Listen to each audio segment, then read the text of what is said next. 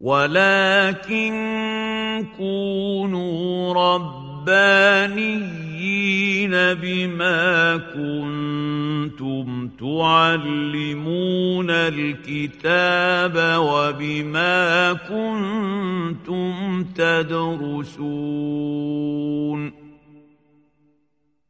السلام عليكم ورحمة الله وبركاته. في القسم الثالث من القصيدة فكما قلت هو قسم يشبه القسم الأول في كونه آه، في الشجا وفي التذكر ولكنه يختلف عنه في معنى زائد وهو هذه المرارة الواقعة في الحلق. وهذا هذه الحسرة على الذاهب التي نستطيع أن نقول إنها قابلها أو تثمر عنها أو أثمرت هذه هذا التغير في الحال تثمر عن ماذا؟ عن امتهان في كرامته هذا هو وهذا بخلاف ما في قفا نبكي وما في القسم الأول من القصيدة الذي ابتدأ بنفسه أو ابتدأ بالذكرى المحضة مع شيء من المرارة لتذكره كلمة بسباسة في ذهنه ولكن لما نطق بها بعد ذلك في شعره بني عليها الكلام وحضرت إلى ذهنه الحاضر لم تصل, لم تصل أو لم تبقى في صدره كما في القسم الأول وكذلك في آه، في قفا نبكي تختلف عن قفا نبكي كذلك. في ماذا؟ في أن قفا نبكي تذكر محض. يعني بكاء على الماضي محضا. وبكاء على الماضي محضا. واضح؟ لا تصحبه هذه المرارة أو هذه الغصة في الحلق التي تتعلق نوعا بكرامته. كبرت ولا يحسن اللهو أمثالك. لم تقل له. وظهر أثر هذا على القصيدتين. ترون في هذه القصيدة يركز على الأحداث. وعليكم السلام ورحمة الله وبركاته. كيف حالك؟ الحمد لله. صليتوا؟ صلينا. لا تقبل آمين.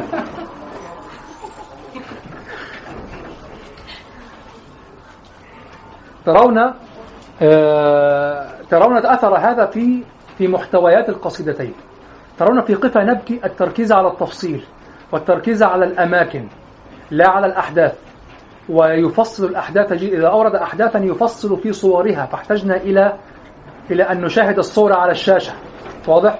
بخلاف آل عم صباح التي هي حركات وإخبار حركة في القصيدة وإخبار عن النفس وأنني أفعل وأفعل وأفعل وليس تركيزا في الصور فلم نحتج. حتى هذه اللحظة إلى أن نعرض بعض الصور وإن كان سيرد ذلك يعني. لكن الآن لم نحتج حتى هذه اللحظة إلى أن نعرض صورا تشرح القصيدة.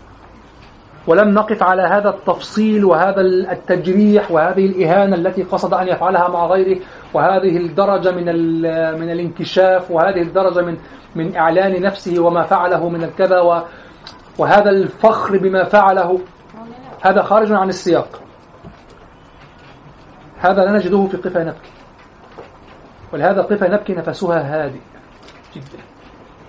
ويقول هنا في القسم الثالث الذي تولد عن القسم الثاني وهو أهدأ لكنه يقوله بغصة في حلقه. يشبه القسم الأول لكن مرارته أعلى ليس تذكرا محضا كما قلت يقول كأني لم أركب جوادا للذة ولم أتبطن كاعبا ذات خلقالي ولم أسبأ الزق الروية ولم أقل لخيلي كري كرة بعد إجفالي ولم أشهد الخيل المغيرة بالضحى على هيكل نهد الجزارة جوالي.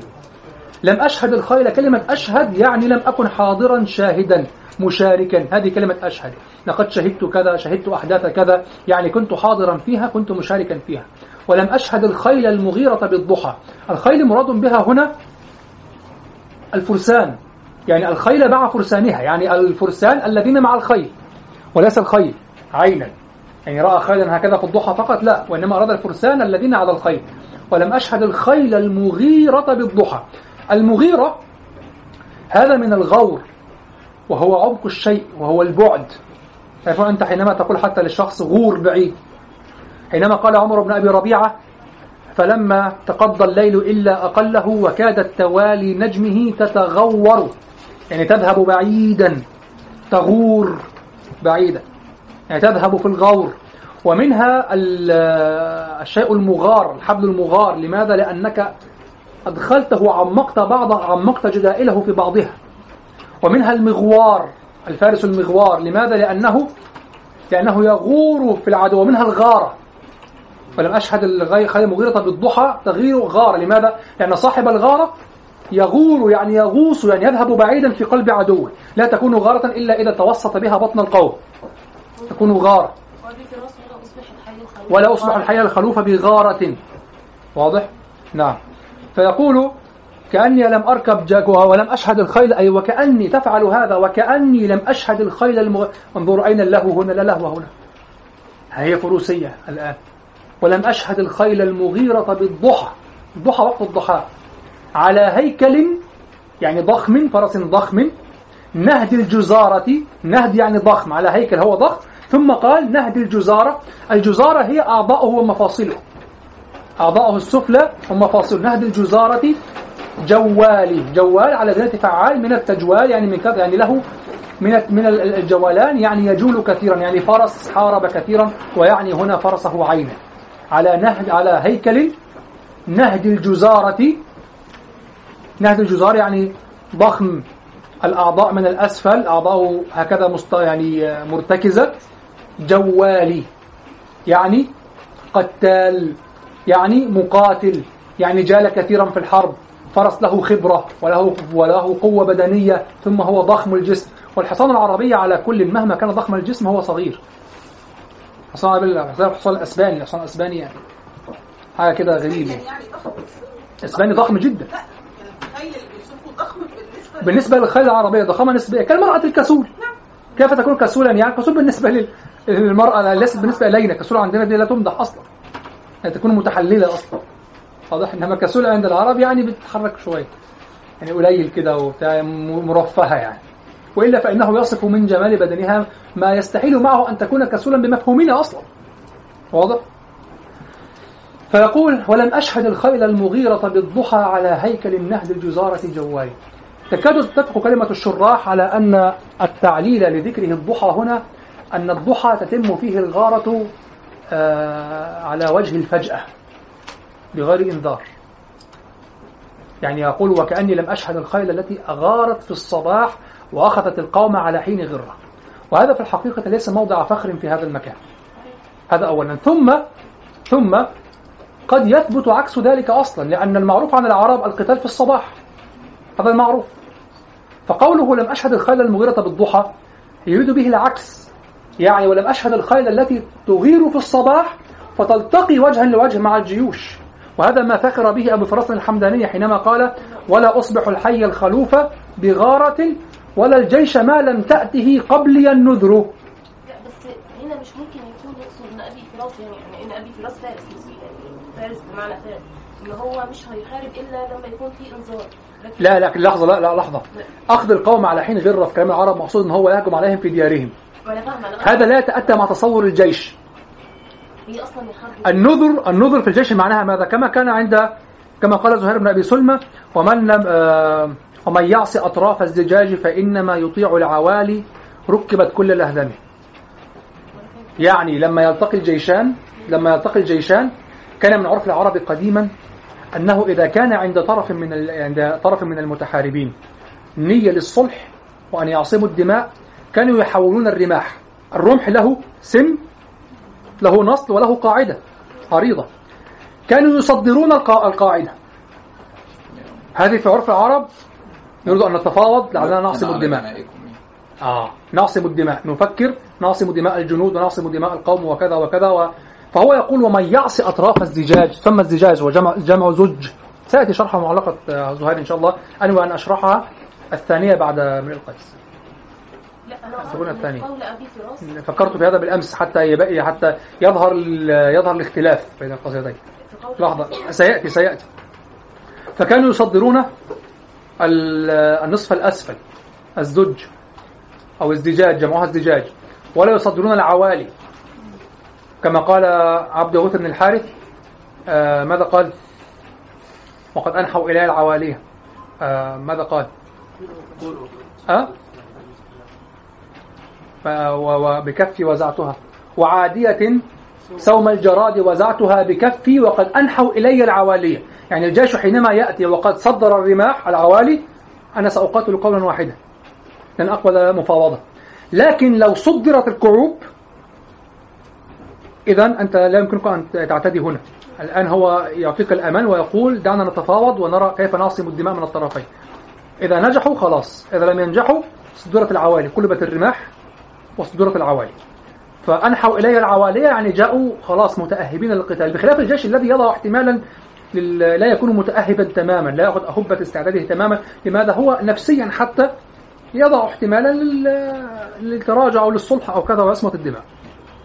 فحتى حينما يلتقي الجيشان أبو فراس يقول وأنا لا أحارب ولا آخذ غارة على الجيش الذي هو لا يكون جيشا عند العرب إلا إذا كان اجتمع خارج المدينة أصلا.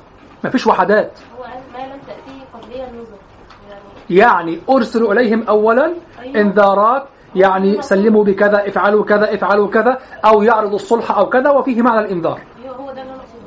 فراس لكن طالما أنه وصف بأنه جيش قد وقع التقابل. نقصد أن أبي فراس عنده المعنى ده أنه هو هينزل نعم أما أنا أستشهد به.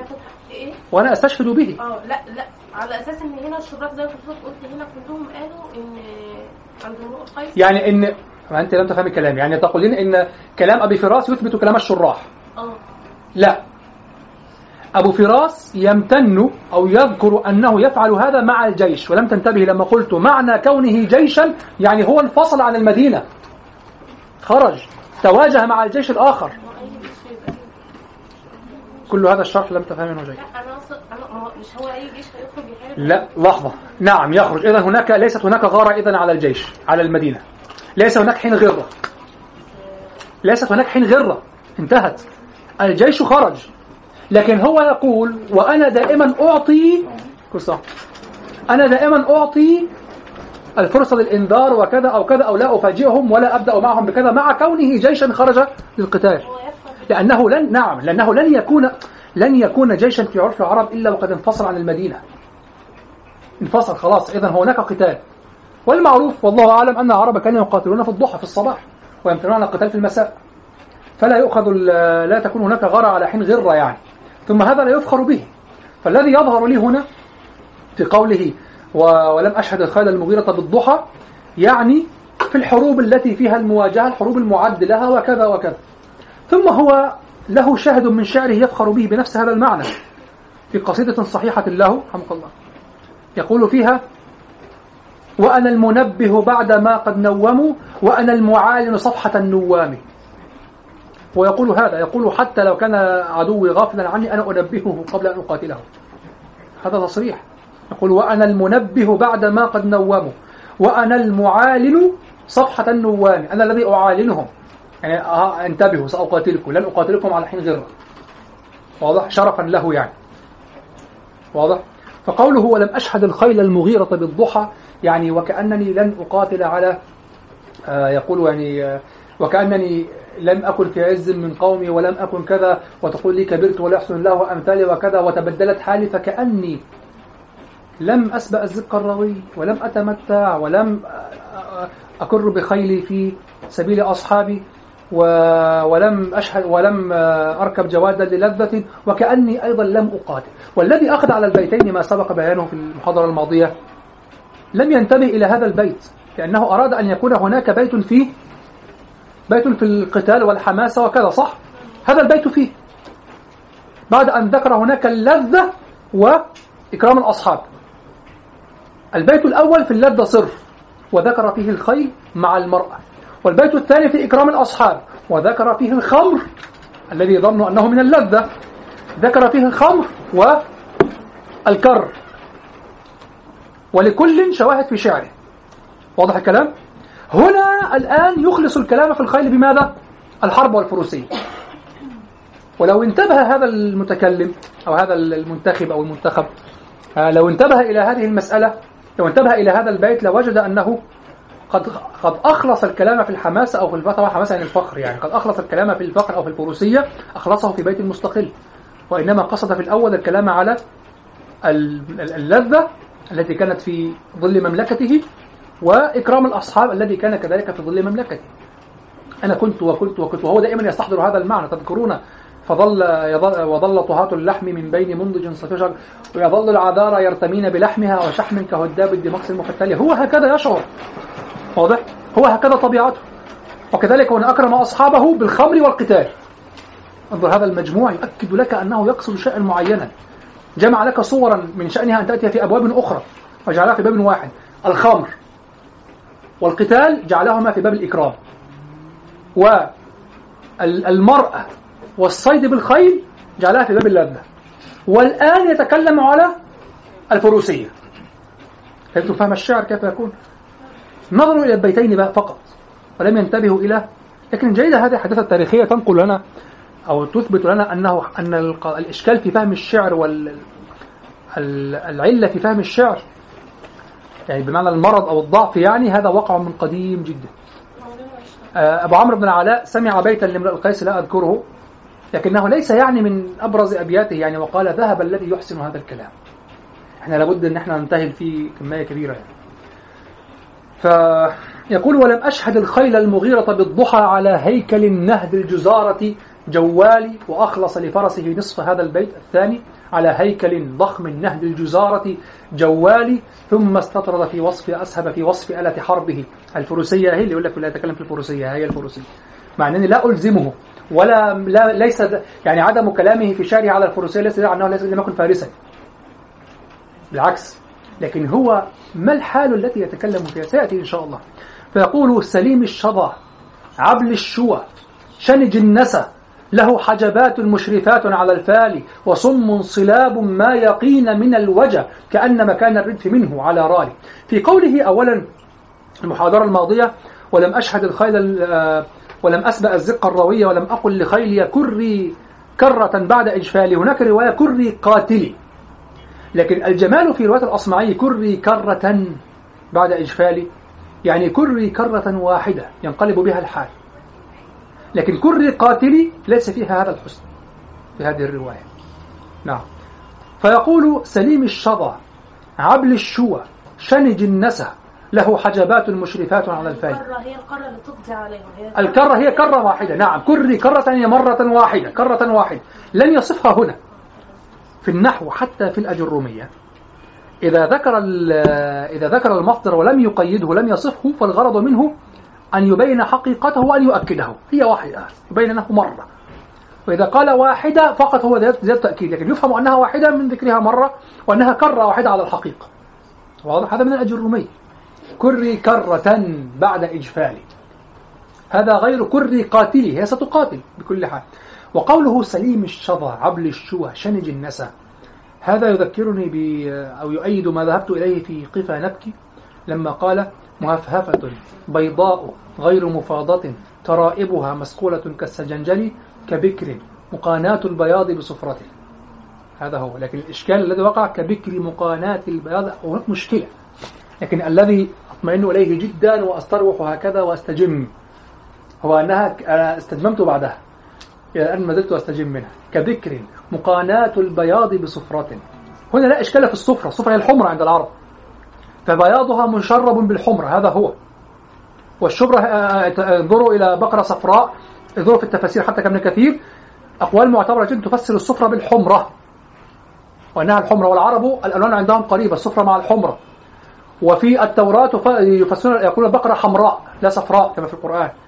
هذا في لغة العرب الأصفر. الأصفر يدخل فيه درجات من الحمرة أصلا. فسر فسرت الصفراء. قرأوا في آه، تفاسير كابن كثير مثلا.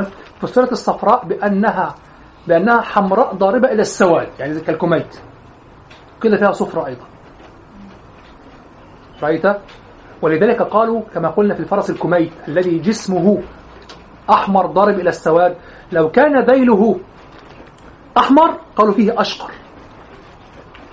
ولو كان ذيله أسود قالوا كميت. يعني لما يكون جسمه لا إذا كان جسمه أحمر ضرب إلى السواد وذيله أسود قالوا كميت. وإذا كان جسمه نفس هذا اللون وذيله أحمر قالوا أشقر. فهمتم؟ سمي أشقر. رأيتم كيف الأشقر؟ أطلق عليه أيضا. ومن تفسير البقرة البقرة الصفراء كما قلت في كتب التفسير أنها حمراء ضاربة إلى السواد. وهذا البقر المعروف. بقرة حمراء كده لونها كالفرس الأحمر ضارب إلى السواد. يصعب أن تجد بقرة صفراء بالأصفر الذي نفهمه نحن. فهمتم؟ فكبكر كبيضة. ثم مقاناة البياض هي مخالطة البياض بصفر. كذلك على نفس الأسلوب هنا في جرد الصفات. سليم الشظى عبل الشوى شنج النسى له حجبات ويوقع الجملة في موضع الكلمة. سليم الشظى عبل الشوى شنج النسى له كل هذه في موقع سليم الشظى له حجبات مشرفات على الفعل كلها نوعات متتالية. الجملة تقع موقع الكلمة الواحد ويكون للجملة الكاملة موقعا أو محلا للإعراب الذي يقع على الأصل في اللفظة الواحدة فيقول سليم الشظى سليم معروف. والشظى حتى إذا رجعتم سواء إلى الشروح أو إلى كتب اللغة الشظى وقع اختلاف كبير جدا في تحديده ما هو الشظى فبعضهم يقول الجمهور يقول هو عظمة أو عظيمة في جسده. بعضهم قال في ركبته كأبي عبيدة بعضهم قال في رسغه من الأسفل. المهم ذكروا أن هذه العظمة كثيرا ما تنخلع عن مكانها فيضعف الفرس أو يعجز عن الحركة. يعني كأنها شيء معروف في خلقة الفرس إذا أصيب في المناورة الشديدة أو كذا يعجز عن الحركة أو يضعف عن الحركة. بعضهم قال هي هي عصب عرق معين في وظيفه. أو كذا بعضهم قال هي ما يفهم منه أنها اللي إحنا بنسميها الصابونة تلك العظمة المتجمعة على المفصل ممكن في حد التخيل ينتقل. الجزء اللي فوق ال- الجزء الأسفل القدم أيوة على. بقى أيوة آه، وهم بيجروا بيخبطوا في بعض ممكن رجليه تخبط في بعضها آه بس فلو خبطت واتكسرت الجزء اللي هو الرسغ الأسفل آه خالص في اليدين، في الأمام. بالظبط آه. آه. اليدين أو الخ... يعني إما الأمام أو الخلف ما بتفرقش. كتير بالنسبة له بس هو بيجري رجليه لو خبطت في بعضها ماشي؟ يصاب. ممكن يصاب. لو أصيب خلاص مش هيعرف يجري تاني. ما بقى نوع؟ الإصابة قد تكون انتقال عظمة. أم، أو كسرت أو كسرت قبل كده. الشظى الشظى أو الشظيه أو كذا وبعضهم يقول عظيمة بعضهم يقول عرق أو عصب أو كذا. يعني هم حصل لكن مجمل هذه الأوصاف مجمل الشرح أنها في النهاية شيء إذا معروف في الفرس إصابة معينة في الفرس عظم معينة في الفرس أو عصب في الفرس مشهور أنه يصاب به فإذا أصيب به آه عجز عن الحركة. لا قالوا في الشروح قالوا تنتقل عن مكانها. ولذلك قلت ويبدو أنها إصابة يعرفها الفرسان أو هذا الخيل يعني. ما هو ال... وعامة عظمة الشظية في الإنسان هي العظمة اللي في الساق آه هو الصابونة دي. لا لا لا. هي جنب القصبة عظمة هذه هي؟ القصبة. آه. آه يعني ممكن تنتقل. وهو الحصان عنده كذلك؟ أنا أنا متأكد من المعلومة دي دلوقتي. لا لا ساق الحصان ساق الحصان يده. منها أتأكد منها. في عظمتان أم؟ طيب. أتأكد منها. يعني بعضهم قال هي شظية هو عظمه صغيره العظمة ما هي دي اسمها عظمة شظية في. في الإنسان. مم. يعني طيب. فعلا بتبقى صغيرة آه، الحاصل أنها أن الشظى الشظى جمع جمع شظية. سليم الشظى الشظى جمع شظية ووقع هذا الخلاف الكبير في أنا كتبت الخلاف في تفسيرها في صفحة كاملة. في صفحة يعني صفحة كاملة صفحة Word كاملة. ال A4 كتبت ال... كتبت الخلاف في تفسيرها استغرق فلخصته في صفحة. لكن في النهاية يخلص إلى أنها عظمة معينة معروفة في الفرس تنتقل تصاب بشكل معين من. في المناورات العنيفة أو كذا فيعجز الفرس. وأما الفرس القوي الذي يعني اعتاد القتال أو كذا يصعب أن تصاب عنده هذه العظمة لأنه خلاص تصلبت يعني أو أو ثبت في مكانها. الحصان مش كده. آه هي عظمة واحدة صح؟ قصبة واحدة. عظمة واحدة بس م- متعددة غير الإنسان. يعني عنده إحنا عندنا عظم الساق مقسوم اتنين. نعم. ماشي هو لا أكتر. وفي تحت فعلا عظمة صغيرة خالص فممكن تكون هي. قد تكون. يعني هم قالوا تنتقل عن مكان. عارفين العرب يعرفون تشريح ال... ده كده المنظر فيعني إيه هو آه، أكتر حاجة الوظيف. إيه إيه أكتر حاجة ممكن يوصف عليها هنا وصف الشظيه عند العرب؟ كأنها في الرسغ هنا. بالظبط. ما هو تنتقل. و- يعني المنطقة اللي هو قال عليها فعلا. آه كأنه انخلاع م- انخلاع مفاصل. كأن هناك في ترتيب الفرس الخلقي آه كأن هناك يعني شيء قد يصاب في ال... يعني مثلا الفرس معروف. كان والدي أخبرني آه قال الفرس العنيد الفرس العربي العنيد يستطيع أن يجري إلى أن تم- تنفجر عروقه إلى أن يهلك إلى أن ينزف ويموت. يعني عنده إرادة وإصرار أن يظل يجري ولا يقف بسبب التعب. إلى أن يحصل له نزيف داخلي ويموت. يتوقف قلبه صح؟ بينفجر قلبه بينفجر آه، قلبه. قال ينفجر رئته أو قلبه أو كذا يعني من شدة إصراره على الجري أو كذا. فيقول يعني عناده فوق جسده. فربما هذه يعني هذا العناد عنده أو قوة المناوره عنده تؤدي إلى إصابة معينة تصيب بها. المهم الخلاصة أنها إصابة معروفة في الخيل تحدث كثيرا فيعجز فيقول أما فرسي أنا فمن كثرة ما قاتل لأنه قال جوالي في البيت السابق فمن كثرة ما يقاتل فهو سليم الشظى. صارت صار نعتا له. هو سليم الشظى. نعته كذلك. هو يعني هي كأن غيره من الخيل لا ليس ربما يصاب. لكن أما هو فدائما سليم الشظى هذه حاله دائما هذه صفته دائما سليم الشظى عبل الشوى. عبل يعني الممتلئ. كلمة عبل وكما في رواية في البيت السابق نهد الجزارة عبل الجزارة بنفس المعنى يعني ممتلئها. آه العبل هو الشيء الممتلئ المكتنز ومنه عبلة حبيبة عنترة. كلمة عبلة المرأة المكتنزة الأعضاء. هذه أصل العبلة يعني و, و آه ترخم لعبل. يقول عبل الشوى. الشوى هو كل ما ليس بمقتل في جسم الإنسان أو في جسم الحيوان. في الجسم. الشوى الشوى هو الأطراف. ويدخل فيه جلدة الرأس. ليس الرأس ليس من الشوى. لا هنا مقتل خلاص. لكن جلدة الرأس هذه من الشوى. والأطراف من الشوى. حتى يقولون آه، رماه فأشواه. يعني أصابه في أطرافه ولم يقتله لم يصبه في مقتل. والمراد من الشوى هنا الأطراف السفلى. عبل الشوى. واضح؟ طيب ما الفرق بين نهب الجزارة وعبل الشوى؟ الجزارة يمكن أن يطلق يراد منها ماذا؟ المفاصل والأعضاء التقاء العظام. واضح كما قال في الرائية آه إذا قلت روحنا أرن فرانق على جلعد واهي الأباجل أبترة الوجاهل الأباجل الذي هي المفاصل العظام. فمفاصله مفاصله سميكة أو تخي... يعني كبيرة وهي لينة. فيجري هكذا يتبختر ويسرع براحته كما ليس فيه تيبس يعني. فكذلك عبل الجزارة قد يريد به ضخامة هذه المفاصل أو لين هذه المفاصل وقوة تركيبها على بعضها فليست تنخلع بسهولة وربما تجد قرابة بين هذا وبين قوله سليم الشظى واضح؟ وأما هنا عبل الشوى فالمراد بالأعضاء يعني القصبات. ترى لأن نحن الأكارع يعني. فكأنه يتكلم عن سيقانها أو كذا بأنها بأن عظمها ممتلئ مستدير ليست ليست تبدو في نحافتها على أن يعني ضعيفة تنكسر أو كذا بسهولة لا هو عنده قوة ارتكاز فيها استدارة فيها امتلاء حتى لو كانت نحيفة ولكن فيها امتلاء هكذا فيها يعني أسطوانية الشكل هكذا فهي عبل ممتلئة لكن ممتلئة عظما. هي في عظمها ممتلئة وليس لها ممتلئة لحما هذا مكروه في الخيل مكروه حتى في الأعضاء اللحمية في جسده أن يكون كذلك. لذلك خطأوا أبا ذئيب الهذلي لما قال آه قصر الصبوح لها فشرج نيها فشر فشرج لحمها بالني فهي تثوخ فيها الإصبع. قال هذا لم يكن من أهل الخيل أصلا. أبو ذؤيب والهذليين ليسوا من أهل الخيل فماذا فرض أن يصف الخيل؟ بأنه يعني جعل لها الشراب وكذا قصر الصبوح يعني اللي هو اللبن في الصباح أو كذا فصار لحمها طريا فهي تثوخ فيها الإصبع.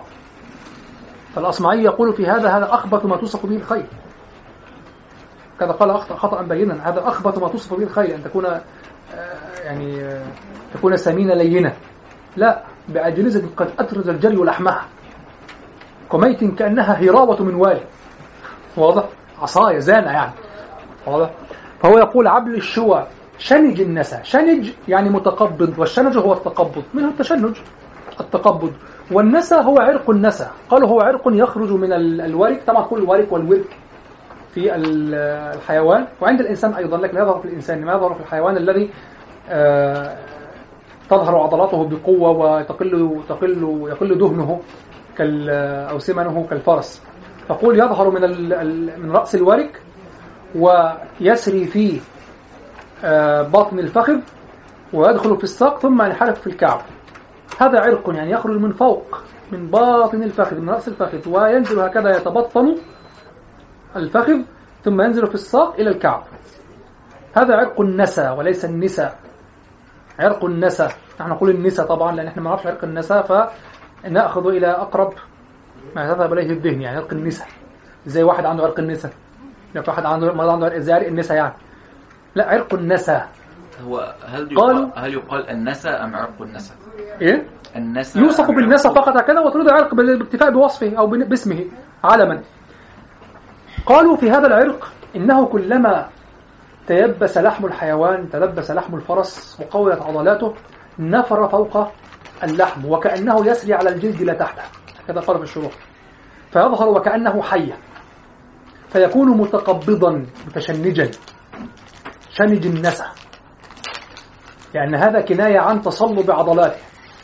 تعرفين اللي بيلعبوا ألعاب رياضية ومش عارف إيه وكذا واللي بياخدوا منشطات وكذا وبياخدوا طبعا مش سهل يطلع إلا في الأوقات اللي بيسموها الفصول. الناس فاكرة إن اللاعب كمال الأجسام ده طول عمره كده. ده فصل التمرين بس.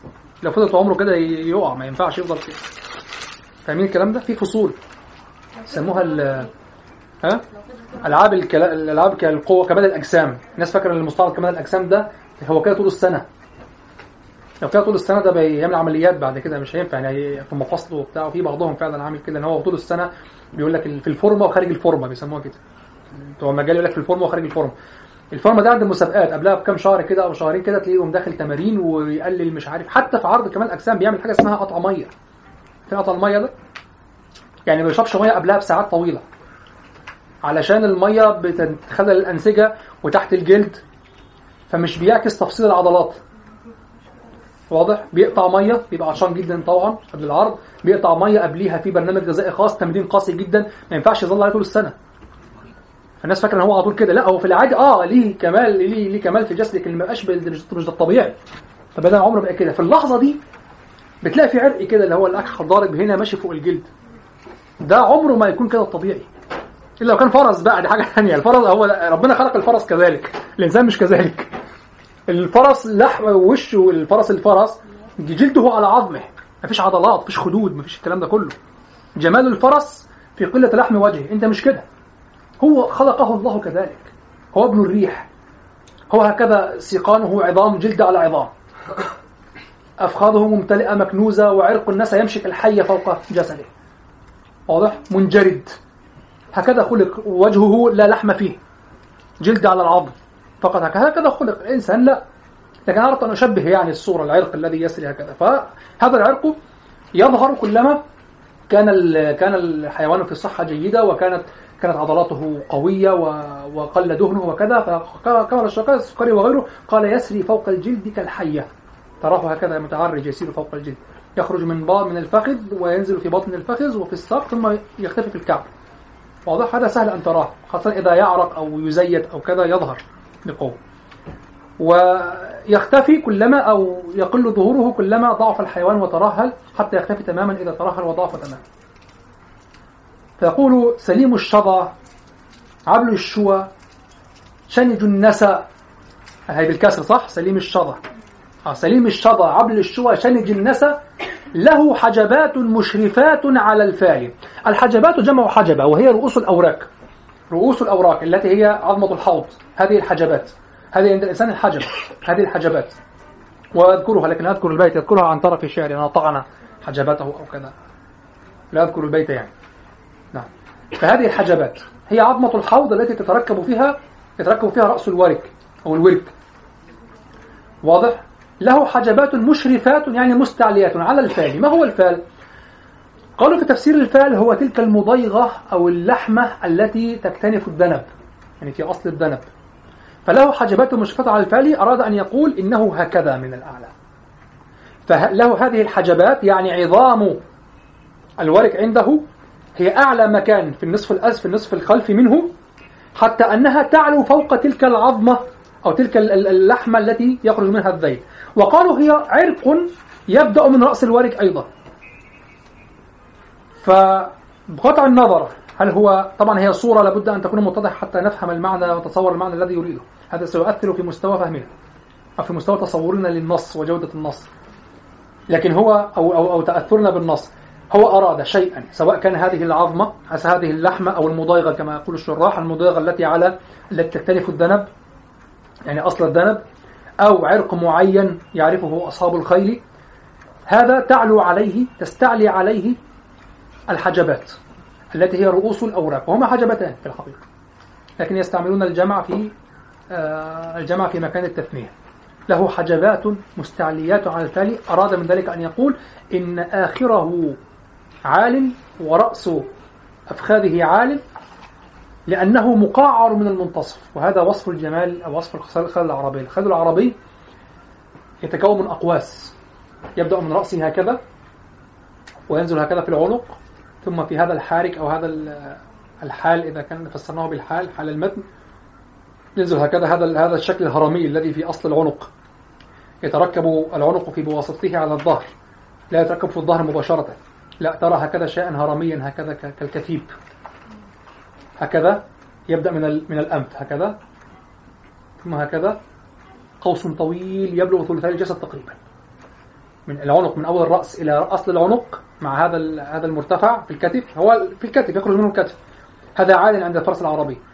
ينزل هكذا ثم ترى تقعيرا صغيرا ثم يرتفع من عند الأوراق التي هي الحجبات. ولهذا قال في البيت الذي يليه قال وصم صلاب ما يقين من الوجع كأن مكان الردف منه على رالي. مكان الردف يعني الذي هو الرديف. إذا أجلست الرديف وراءك كأنه على رال الرال هو صغير النعامة يقول وصم صلاب ما يقين من الوجع صم صلاب هو وصف لماذا؟ للحوافر. يعني وصف لموصوف محذوف هو الحوافر. أي وله حوافر. صم صلاب. صم يعني كثيفة ثقيلة. صلاب يعني صلب كالمطرقة. ما الفرق بينهما؟ هل الصم معناه الصلب؟ لا. قد يكون الشيء صما. ولا يكون صلبا. هذا صلب. لكن ليس صم. فارغ من الداخل. هذا خفيف. واضح؟ لكن مثلا تأتي بقطعة من العجين هذه الصم ممت- ممتلئة قطعة من الصلصال. لكن ليس الصلاب لا فجوة لها. الله الصمد بالضبط. أنا تجنبت ال- ال- التطرق نعم. واضح؟ فهي صم. صم يعني مصمتة ممتلئة لا فراغات فيها ليست خفيفة. ثم هي صلاب كالمطرقة هناك أشياء ثقيلة في وزنها مفرغة. ليست مفرغة يعني ممتلئة من الداخل لكنها لينة. كثيفة كما نقول لكن لينة. وهناك أشياء صلبة مصقولة لكن خفيفة. الألمونيا وكذا فكرة الطيارات؟ هذه الطيارات مصنوعة من الحديد.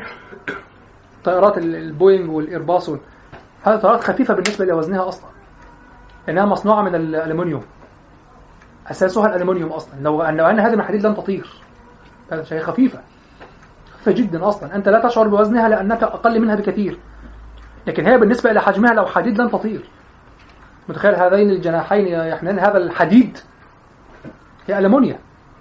صلبة جدا وخفيفة. شفت أنت مين بيسوق عجل؟ جرب العجل. في عجل الألمونيا والعجل الحديد. العجل ال- ال- الألمونيا اللي هو ال- اللي هو بيغلب ال- العجل الحديث يعني العجل اللي مصنوع من الألمنيوم صلب جدا لكن خفيف. العجلة الدراجة ال Trinx اللي هي ال- ال- اللي بيسموها ال- ال road road bike اللي هي أحدث يعتبر أشهر وأغلى ماركة في في في عجل السباق اللي هو يسموها ال road bike أو عجل ال road اختصار بيقول عجل ال road يعني. هي عاملة كده لتحت ديت و... هي بتاعت المسافات الطويلة والسباق وكذا بغير اللي هي ال mountain اللي هي الجبلي. العجلة ديت وزنها نصف كيلو تقريبا كلها على بعض. ومن غير العجل الهيكل بتاعها 350 جرام. لأنها مصنوعة من كربون من معدن كربوني آخر سعر ليها 2016 كان 11000 دولار أمريكي. كان في شخص في مصر بيبيع موديل قديم مستعمل بتاعته يعني كان بيبيعها ب 5000 أو 6000 جنيه مصري. رخيصة يعني. واضح؟ هذه خفيفة جدا جدا جدا. واضح؟ فالأشياء ممكن يكون صلب وخفيف. العجل بقى النصر الحديد ده بتاع شيء انابيب ده ال- معرفش معرفش يمشي بيه أساسا يعني. إذا لو كنت شغال بقى وشقيان دي حاجة تانية يعني ربنا يعينك. تمام؟ المهم فالشيء الصلابة تنافي أصلا. كل هذا أشرحه لماذا؟ حتى لا يقال لماذا أعاد. لن يعد. الصلابة شيء ينفصل عن الصم. قد يكون صما وليس صلبا. صلبا ليس صما. واضح؟ فهي صم صلاب. ثم قال ما يقين من الوجع يعني لا يتقين الوجع والوجع هو الحفا وما يقع من الإدماء في باطن الفرس باطن رجل الفرس باطن رجل الفرس فيه فيما يسمى النسور وهي لحمة في هذه الحدوة هذه الحدوة في داخلها لحمة أصلا. هذه قد تدمى. وهذا هذه الحدوة لماذا هذا هذا هذا الحافر لماذا يركبون في الحدوة الحديدية؟ لأنه إذا بري يصل اللحم أصلا هو في داخله لحم. وهذه أجزاء ميتة عظم ميت في الخارج أو جلد ميت في الخارج في الأصل. فإذا بري إذا نحل من كثرة الجري عليه وصل إلى الدم. واضح؟ فلذلك يركبون الحدوة الحصان ليحفظه واضح؟ فيقول ما يقين من الوجه؟ يعني لا يتقين الوجه لا يخافن لماذا؟ لشدة صلابتها أنها من صلابتها. مع كونها صم صلاب مع كونها صما صلابا هي كذلك سميكة جدا وصلبة جدا لا تنبري بسهولة على الأحجار والرمال.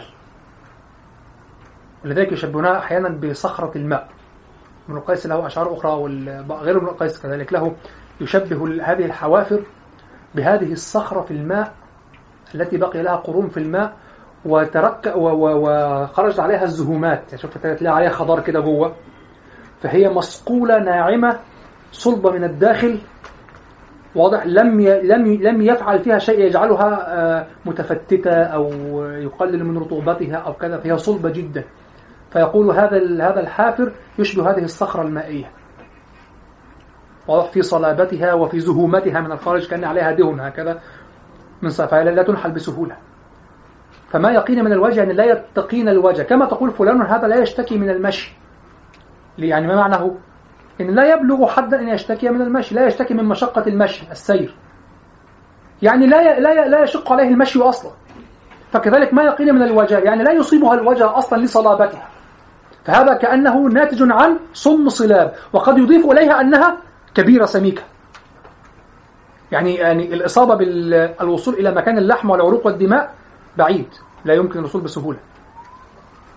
هي صم صلاب سميكة قد تضيف من آه، مما يقين من الوجه السمك كذلك والحجم الكبير. ما يقين من الوجه أن يتخاف لماذا؟ حتى يصيبها الوجه يحتاج إلى أن يقترب من مكان بعيد فيها ونسورها بعيدة. لأنه بقدر عمق. هذه الحوافر تكون النسور بعيدة. بقدر العمق أو طول الحوافر تكون النسور أبعد عن الإصابة. وصم صلاب ما يقين من الوجه كأن مكان الردف منه على رال. الرال هو صغير النعام. أنا حاولت أبحث عن صغير النعام لكن لم أوفق تماما لصغير النعام. فجئت بالنعام ولكن سأقول لكم لماذا قال الصغير.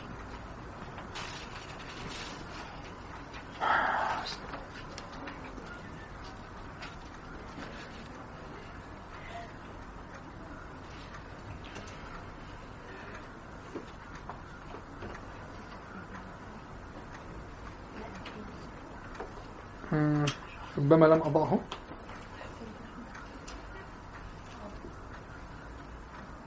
آه لا لم أضعه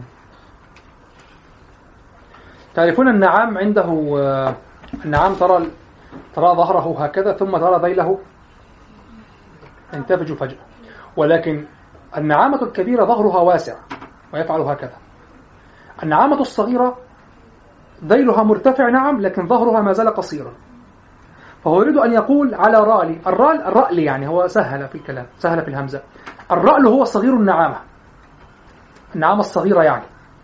وإنما قال على رأل لماذا؟ لأن النسبة بين حجم الذيل إلى حجم الظهر أوسع من النسبة بين حجم الذيل عند الكبير وحجم الظهر. لأن الظهر يكبر أيضا يمتد والذيل يمتد فيقتربان. لكن الصغير كأنه كاريكاتير أو كأنه يعني مبالغة في حجم الذيل بالنسبة إلى حجم شوف الكتكوت. ما تعرفش لا رأسه ولا رقبته ولا جسمه. هو حتة واحدة كده فيها معالم. واضح؟ الرأس قريب. ما فيش عنق. ما هي كلها. الطفل الصغير يستطيع أن يأخذ بسهولة جدا يأخذ قدمه ويحطها في بقه. ليه؟ قريبة. مسافة قريبة. واضح؟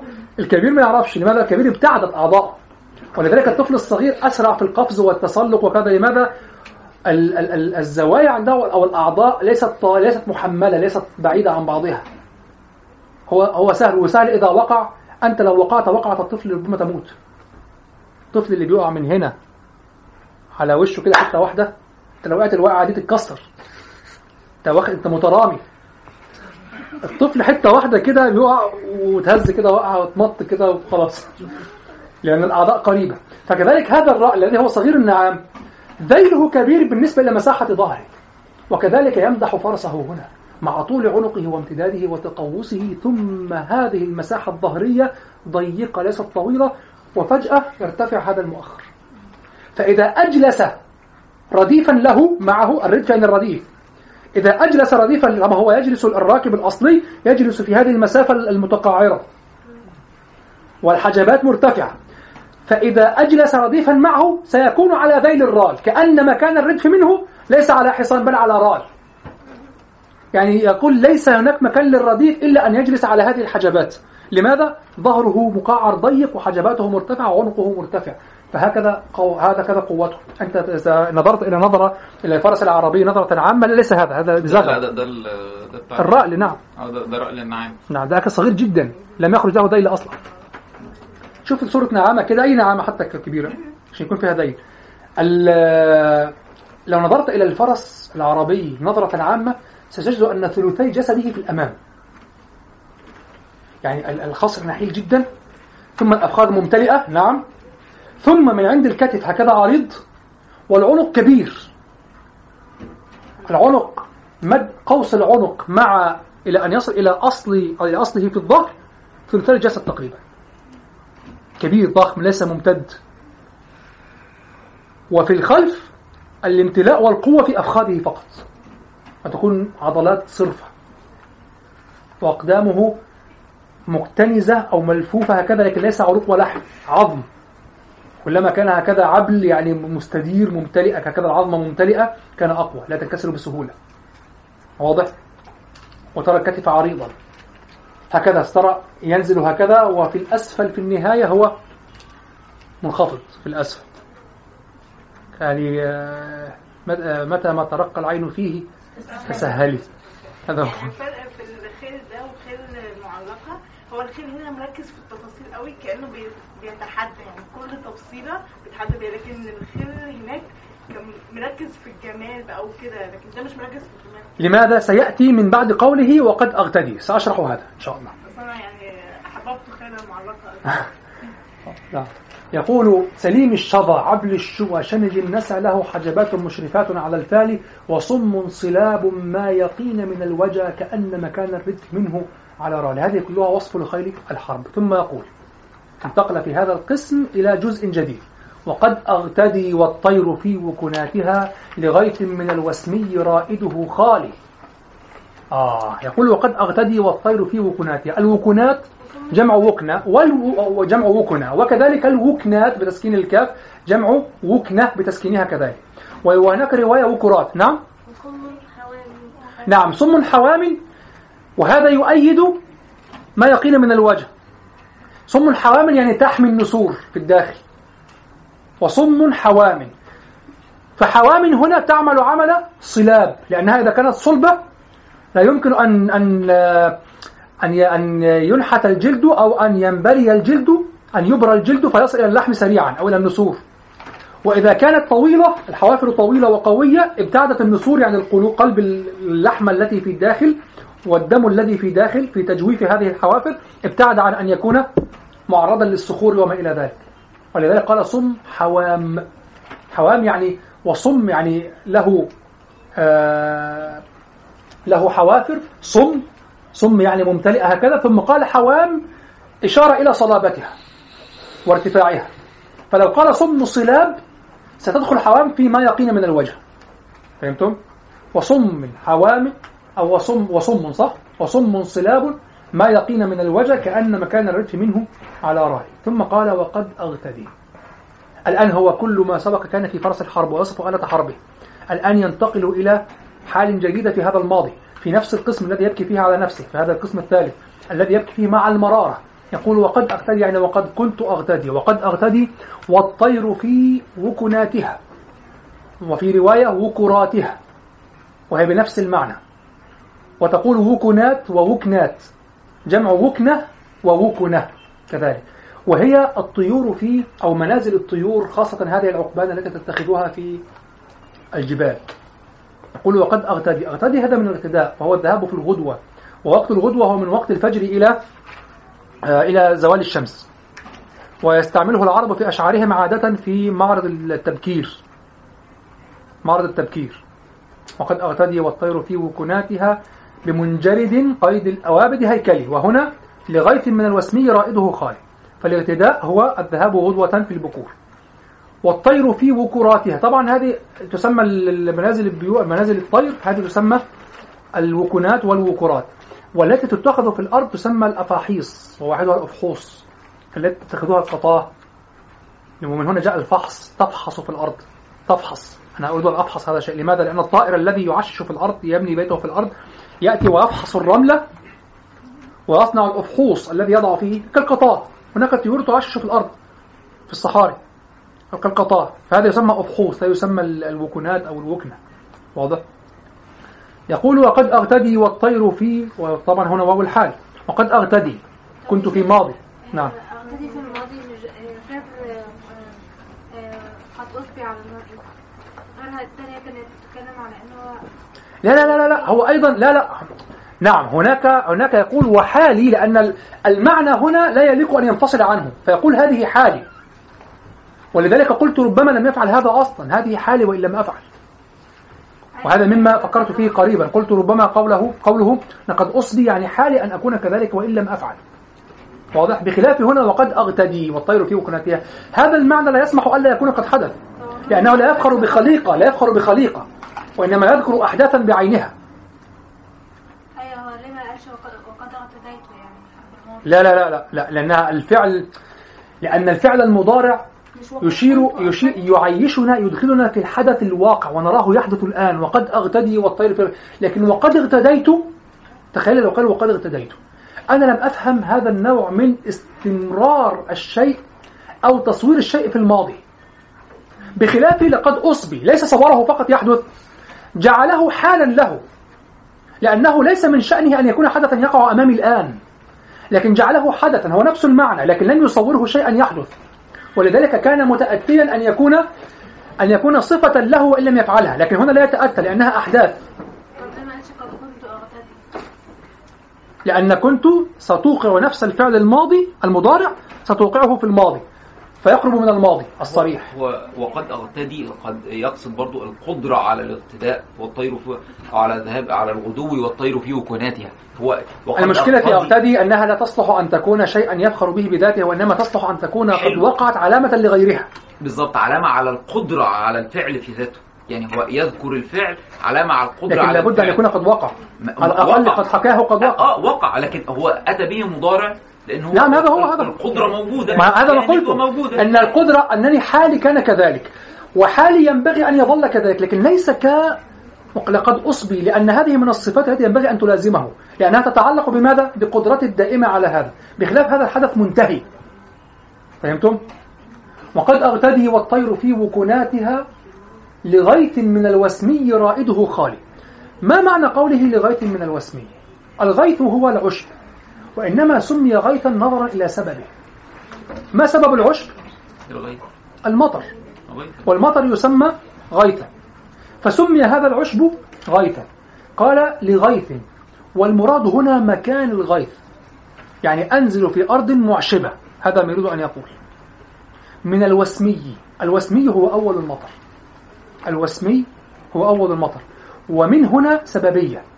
يعني لغيث متسبب عن الوسمي يعني عن الغيث الأول عن المطر الأول الذي ينزل في الأول. كما قال زهير بن أبي سلمة آه آه ماذا قال؟ وغيث من الوسمي حو انتلاعه أجابت روابيه النجا وهواطله في قصته الرائعة التي أولها آه آه صح القلب عن سلمى وأقصر باطله وعري أفراس الصبا ورواحله واضح؟ آه التي يقول فيها؟ يقول فيها وقال العذارى إنما أنت عمنا وكان الشباب كالخليط نزايله نعم. ف... فيقول وحو آه يقول نعم. وغيث من الوسمي حو انتلاعه يعني متسبب عن الوسمي. وغيث من الوسمي حو انتلاعه أجابت روابيه النجا وهواطله فيقول وغيث لغيث من الوسمي يعني لغيث متسبب من هنا السببية. لابد من معرفة معاني الحروف. عندكم كما قلت كتاب المرادي ومولى البيب بن هشام. كتاب الجنى الداني للمرادي ومولى البيب بن هشام.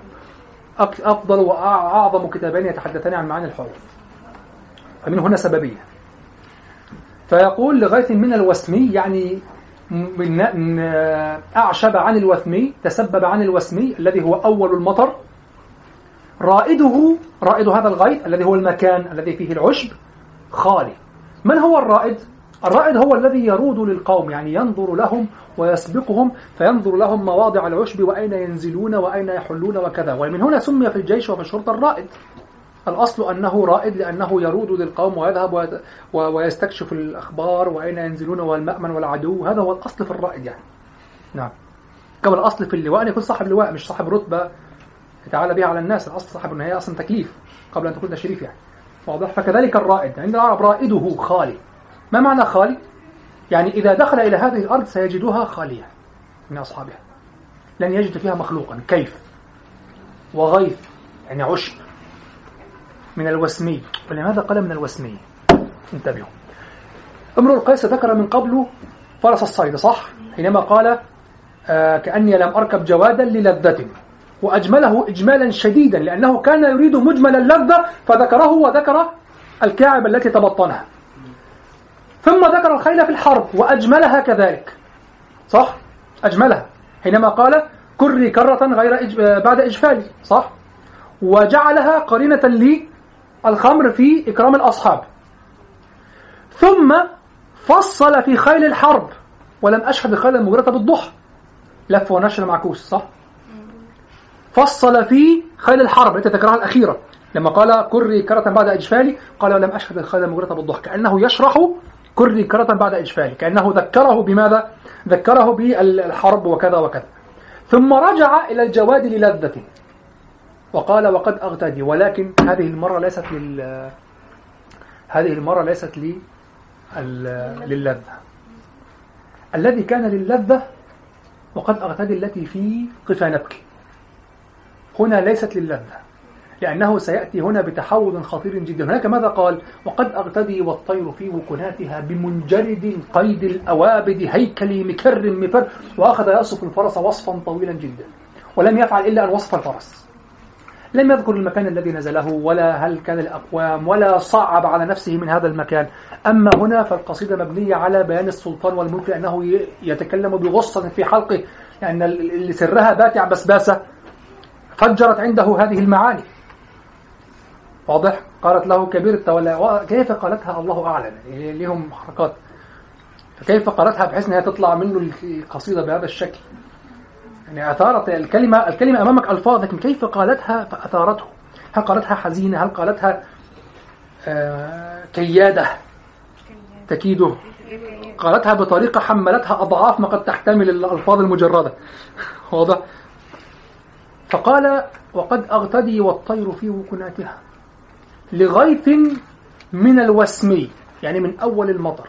يعني هذا الغيث هذا العشب النابت أمامنا الآن هو الذي نبت من أول المطر يعني لم يستعمل ولم يطعمه أصحابه. عارف أنت في كلمة عند المصريين يقول لك شعر البطن يقول لك هي دي قصة شعر ده شعر البطن. يا جماعة أنتوا المفروض تعيش هنا وتعيش هنا يعني. تعرف كل الطبقات الاجتماعية ها؟ يقول لك إيه ده فلانة ديت آه، ده شعر البطن. شعر البطن يعني الشعر اللي عليها من ساعة ما ولدت لم يقص. طفل آه. ده شعر البطن. شعر البطن يعني يعني مولودة بيه لسه لسه ما قص الشعرها لحد دلوقتي. ده شعر البطن وكذلك غيث الوسمي الأول. يعني هذا النبات الموجود الآن هو لم ي... منذ أول المطر الذي بعد ذلك أتى بعده مطر طويل في هذا الفصل لا من أول المطر ما نزل في هذا الفصل هذا العشب هو هو لم يقترب منه أحد لغيث من الوسمي من أول المطر لماذا؟ هل المكان محمي؟ ألم يقل بعدها رائده خالي؟ يعني من من يروده من يدخله ينظر فيه يجد نفسه وحده لماذا؟ البيت الذي يليه تحاماه أطراف الرماح تحاميا الأرض دي أرض آه، تبع أقوام دي أمن قومي أمن غذائي. تحاماه أطراف الرماح تحاميا وجاد عليه كل أسحمها الطالي. يقول تحاماه يعني تتحاماه. وهذه صيغة التفاعل تدل على أنه بين قومين. إما على الاتفاق يعني هناك أقوام عشيرة وعشيرة قبيلة وقبيلة أتت وحفظت هذا المكان واتفقت على حمايته فهي تتحاماه أو على الاختلاف تتصارع عليه. فهو بين قومين يتصارعان عليه صح؟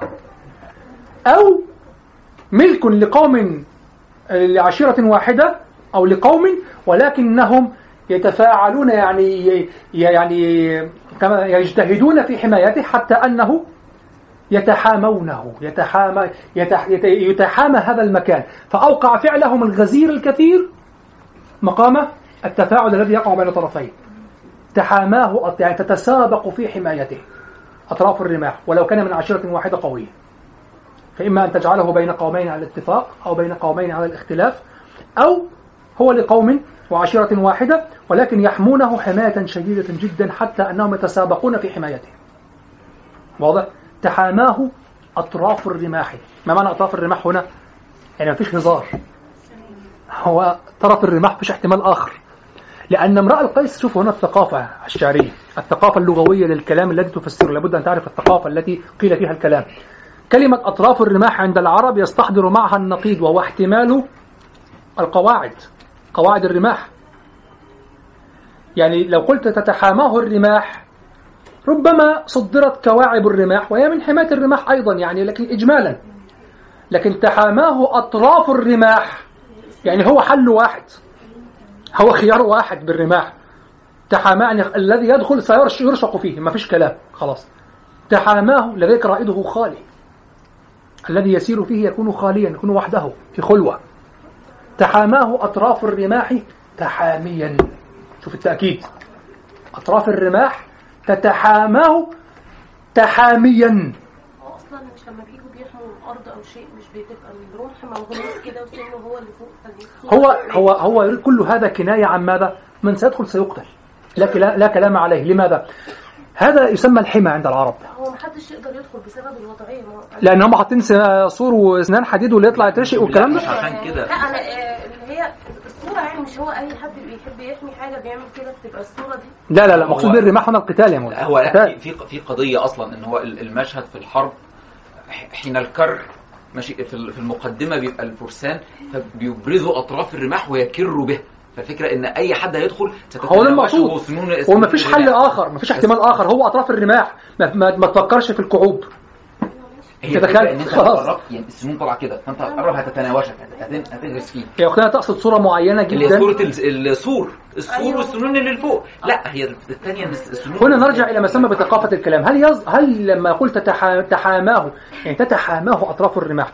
هل هل هل السور الذي فيه رماح مغروزة تتحامى هذا؟ وثم هل هل أصلا الرماح هل تحميه؟ أم أصحاب الرماح؟ يعني لما قال مثلا آه إذا لما بالضبط إذا لما قال ولم أشهد الخيل هل يقصد الخيل؟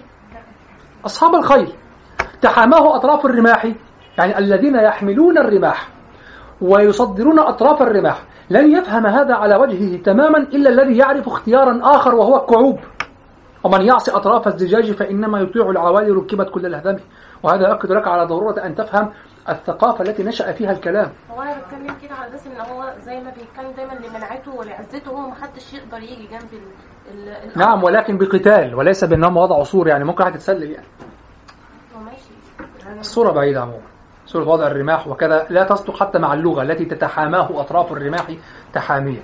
الرماح لن تعمل في الهواء وحدها. تتحاماه هناك تفاعل هناك تفاعل. هناك فعل المضارع وهناك صيغة تفاعل. ثم قال تحاميا ينفي أي احتمال للحقيقة ينفي أي احتمال للمجاز. تحميه تحميه وأطراف الرماح أطراف الرماح.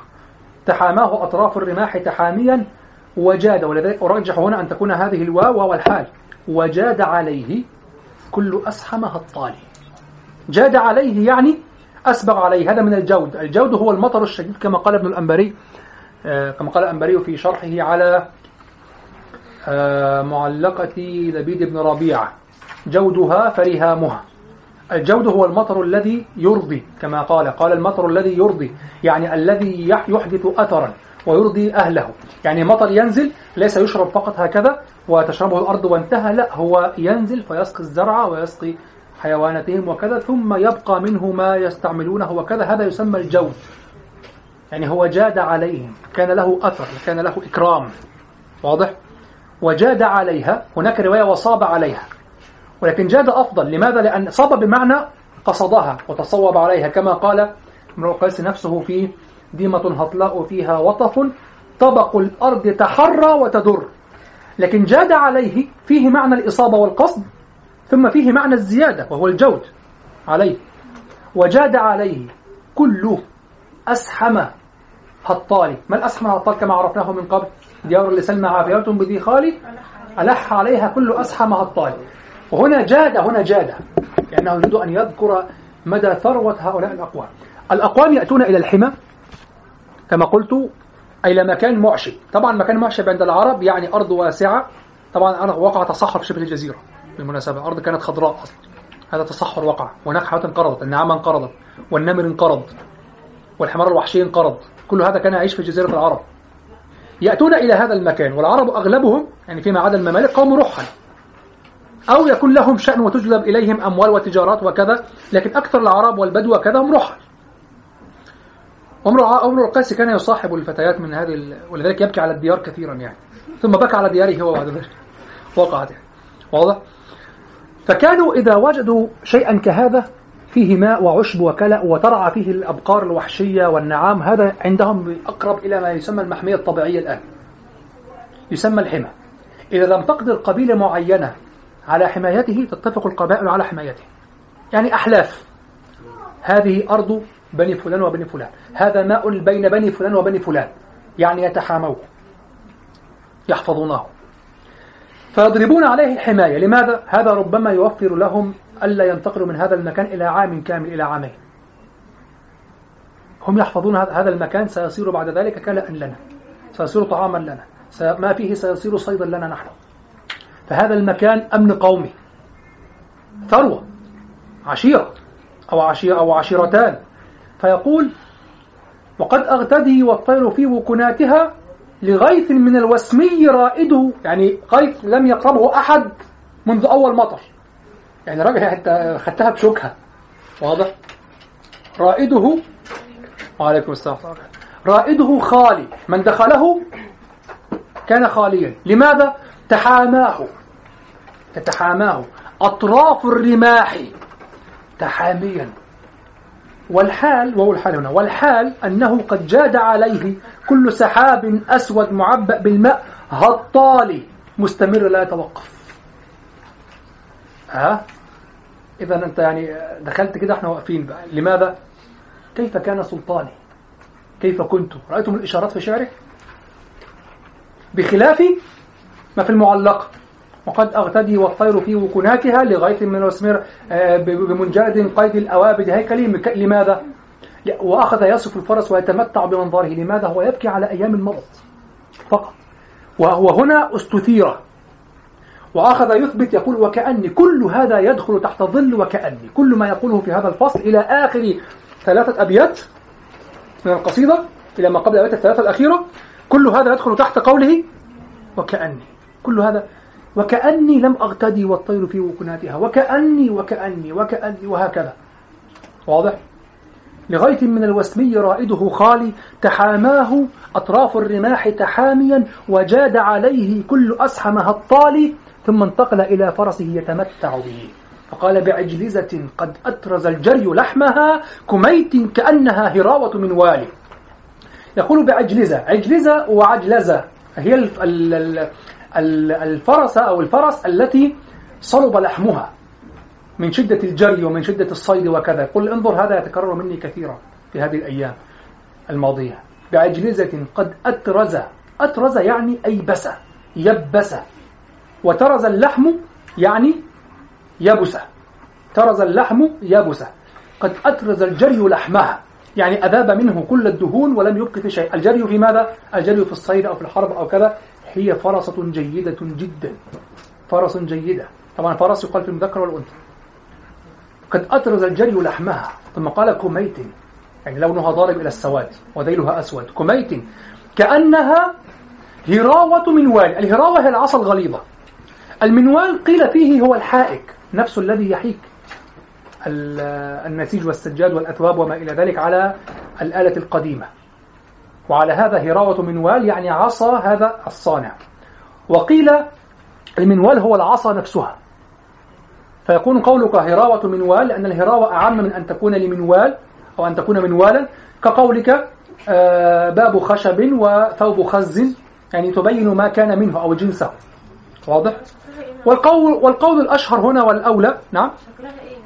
أنا سأريكم إياها الآن إن شاء الله. والقول الأشهر هنا أن المنوال هو النول. هو الآلة القديمة التي يغزل عليها.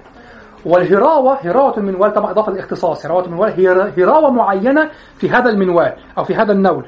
وهي عبارة عن خشبة لينة أسطوانية يلف عليها النسيج الذي أو الثوب الذي ينسج من الخيط الذي يوضع في هذه الآلة.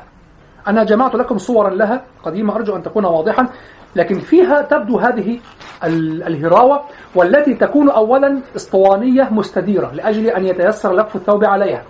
ومن كثرة ما يلف الثوب عليها تكون كأنها يعني خلاص بردت يعني تكون تكون سيكون سطحها مصقولا ناعما.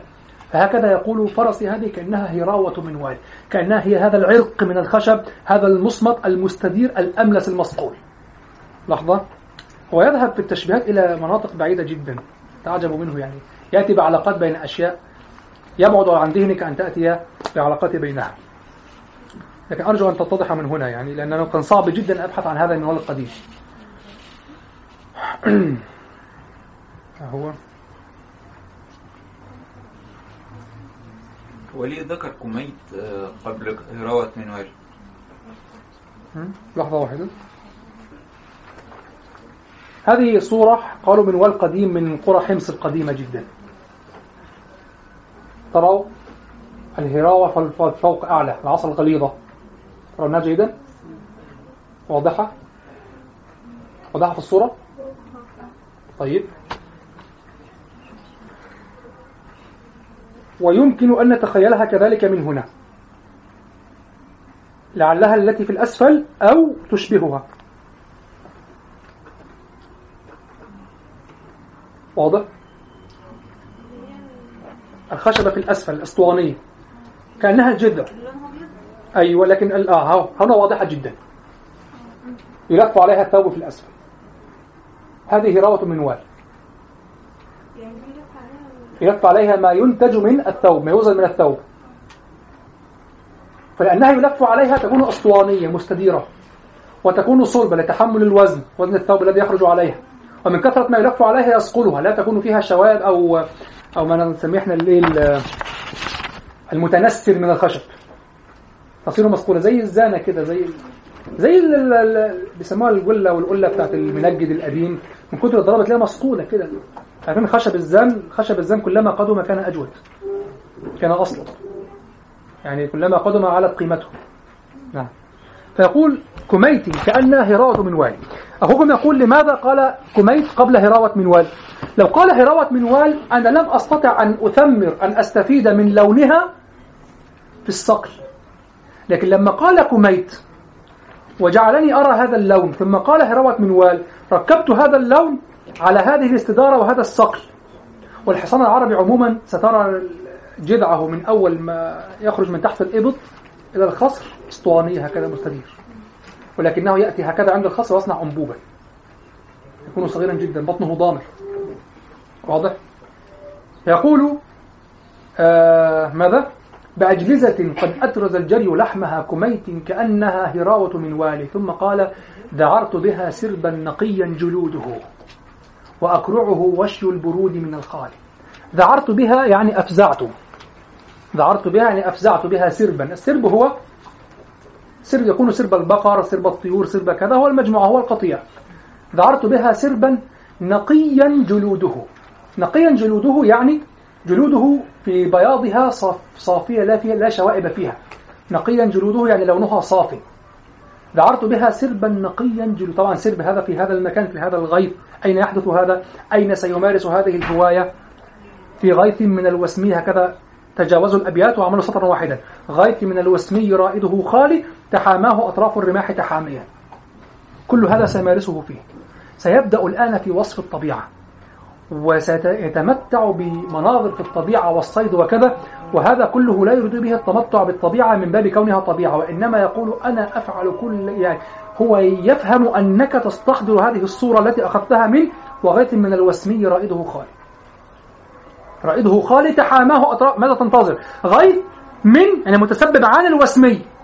رائده يخلو فيها وحده مع كونها من الوسمي من يدخلها يجد نفسه وحده. لماذا؟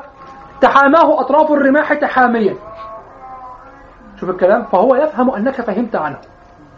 فيقول هنا ذعرت بها سربا. عمل جلبة بقى وضوضاء بقى ودخل بقى يعيف بقى. مين هو؟ أنا ابن ملك كندا لا أحد يمنعني. الآن أبعد المالك أعاد الحارث الملك بن عمرو. له ملك العراق إلى عمان. واضح؟ هو هو ذل فعلا ولذلك هو تجدونها في شعر بعض المتأخرين كمقصود بن دريد يصفه بالهمام. يعني يضربون به المثل في الإصرار على الرجوع إلى الملك وكذا ولهذا حتى سمي الملك الضليل يعني ضل عن غرضه يلقب بملك الضليل لأنه ضل عن سبيله ضل عن غرضه وظل يبحث عن ملكه وكذا وذهب منه. لكنه لم يتخيل نفسه إلا ملكا ولهذا فلي. قالوا له نأتي لك بأكبر رأس في بني أسد نقوده لك بنسعه. وتذهب يذهب عنقك مع شفرات حسام تخيل عارف حتى الصعايدة دلوقتي يقدم كفرة دي مش سهل. العرب ما يقدموش كانهم أصلا يعني, يعني كده. ضليل دي مش من الفسق والمجون والضلال لا مش من الضلال والله اسأل. اسأل. ضلالة مين يا لا لا لا لا الضليل فسرت أنه الذي ضل ضل عن غايته. فين الضلال يا جماعة اللي هو وسمي بذي القروح كذلك قبة ذي القروح ذي القروح عشان لأنه مات بمرض المسموم. قيل قيل إيه؟ حكمة ضالة المؤمن أشوف أهو. ينفع تبقى ضالة؟ يعني أي لغة الضلالة بالمعنى الإسلامي المحدث أم الضلالة القديمة اللي هي لم يجد شيئا؟ ضل في ضل سبيله. نعم ولهذا كما قلت يساعي وحتى في بعض الشعر الأعشى لكن تكلم عليه دكتور شوقي ضيفي بالوضع يعني والله أعلم لم أحققه يعني يمدحون السماوأل بوقوفه معه. إن امرأة القيس كانت كان حادثة معروفة. آه الموضوع شو ده قال الشيء ضيف آه ضعفه لكن من ناحية تاريخية ده كان متوقف في احكام شوقي ضيف لأنه يحكم من ناحيه لا ذوقية بل تاريخية بحتة. نعم. قتل ابن السماء لا لا هي فيها مبالغات واضحة جدا طبعا. يعني وقيل إن الأعشى كان له كاتب يهودي يكتب له وكذا وضع هذه الأشياء. قيل قيل يعني. لم لم أحرر كل هذا بعده يعني. لكن طبعا قصة السماء دخل فيها طبعا لا شك اليهود مسكوها ما سابوهاش يعني. أضافوا عليها وكذا. لكن هل فعلا السماء ساعدها وكذا؟ الشواهد تقول تقول انه ساعدها. واضح انه وفى معه وكذا يعني. المهم فهو ضل ضل عن سبيله يعني معروف ضل عن الهدف الذي يسعى إليه. ولكنه وصف بالهمة العالية. أنا لا أذكر البيت المقصود في المراد كنت أحفظه. الهمة إن ابن القيسي أه؟ جرى إلى مدى. آه جرى إلى مدى. فاعتاقه إمام دون المدى. الله الشيخ فوزي محفظها لكم طبعا. الشيخ فوزي يحب هذه المقصود كنت أحفظها لكن أحتاج إلى مراجعتها. إن امرأ القيس جرى إلى مدى. فاعتاقه حمامه دون المدى. فاعتاقه حمامه دون المدى. لم يصل إلى آه وهناك أيضا لفظ الهمام في شعر لكن لا كنت أظن ابن زيد لا. لفظ الهمام ذكر في الشعر أظن من؟ لا. البحتوري لا. المهم يعني فيعني سقوط كندا وكذا كان حادثة معروفة. معروفة جدا يعني والشعر الذي قاله وهو روى شعره في بعض القبائل مر بها. يعني وجدت ما يثبت أنه روى شعره هناك أشخاص كانوا في بعض القبائل مر بها يروون شعره لأنه مر بهم وسألوه عما قال من الشعر في هذه الحوادث. وهذا يعكس لكم طبيعة عند العرب أدبية أنهم كانوا يسجلون هذه الأحداث التي يمرون بها في شعر.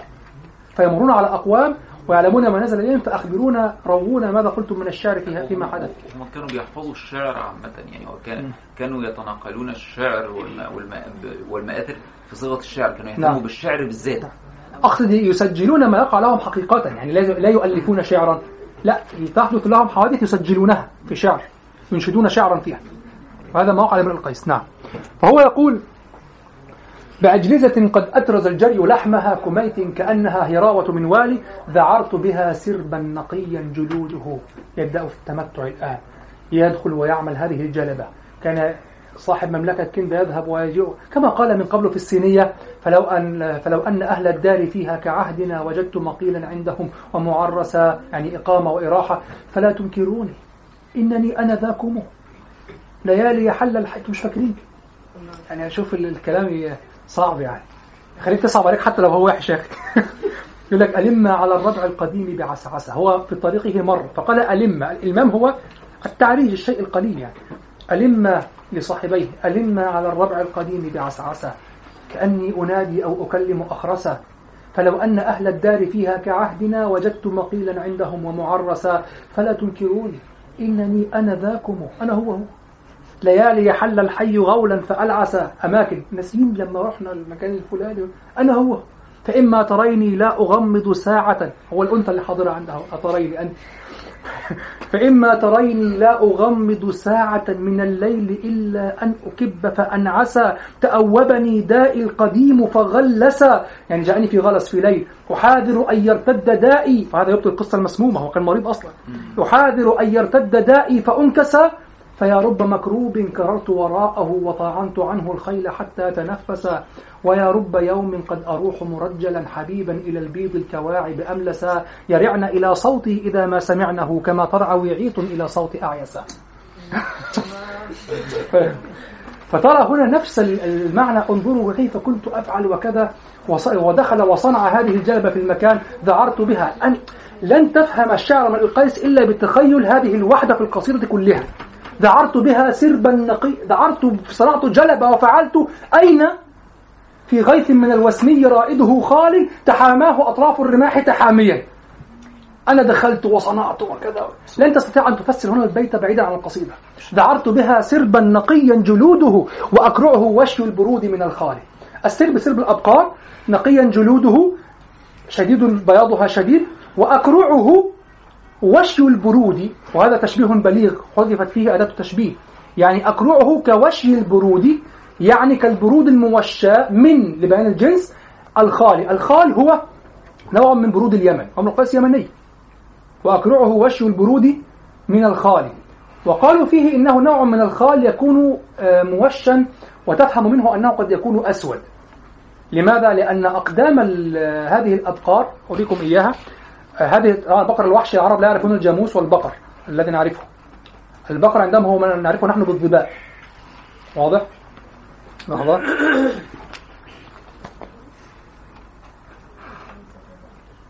طبعا هذا حيوان انقرض أو كاد أن ينقرض لكن له محميات في الإمارات وبعض الدول العربية.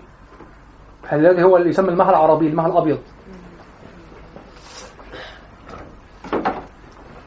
هذا هو.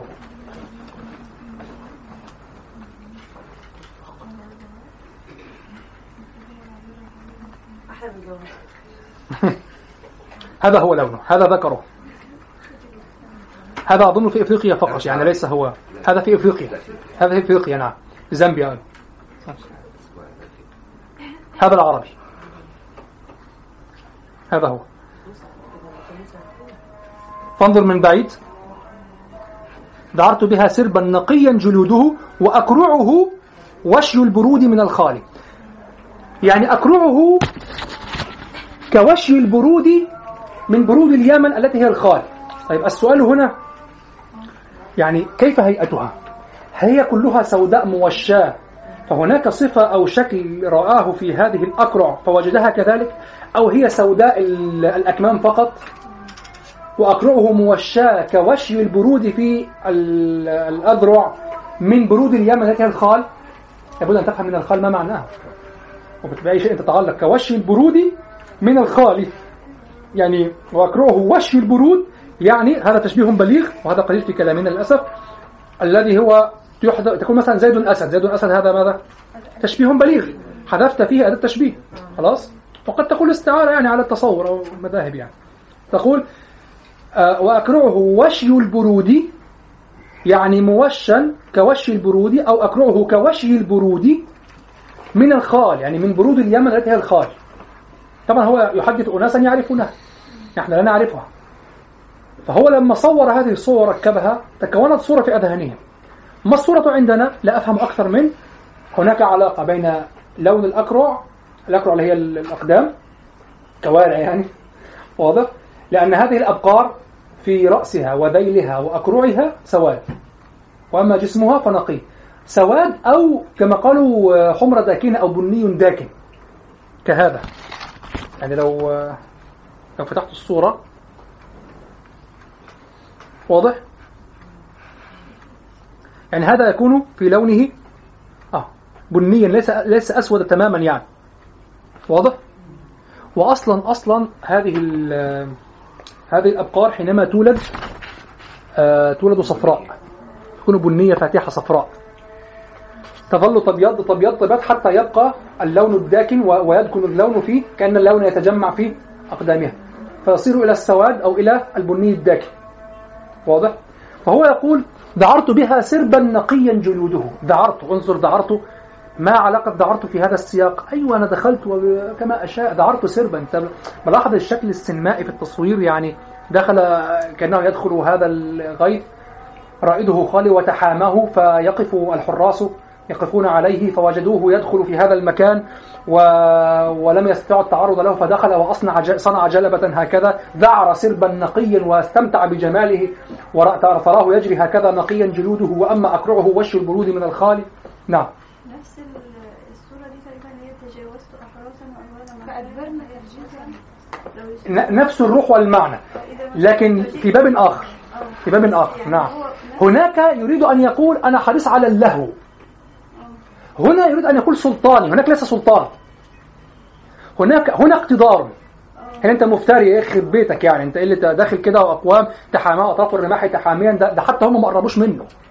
يعني هو غايه من الوسمي. يعني من أول المطر. هم أنفسهم لم يستعملوه. فأنت دخلت في هذا المكان وفعلت هذا وفعلت. أما هناك فهو تسلل.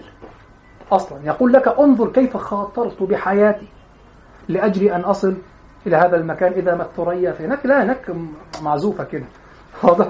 إذا ما الثريا في السماء تعرضت تعرض أثناء الوشاح المفصل فجئت وقد نضت لنوم ثيابها لدى الستر إلا لبسة المتفضل فقالت يمين الله ما لك حيلة؟ وما إن أرى عنك العماية تنجلي؟ خرجت بها تمشي تجر وراءنا على أثرينا ذيل مرت مرحل.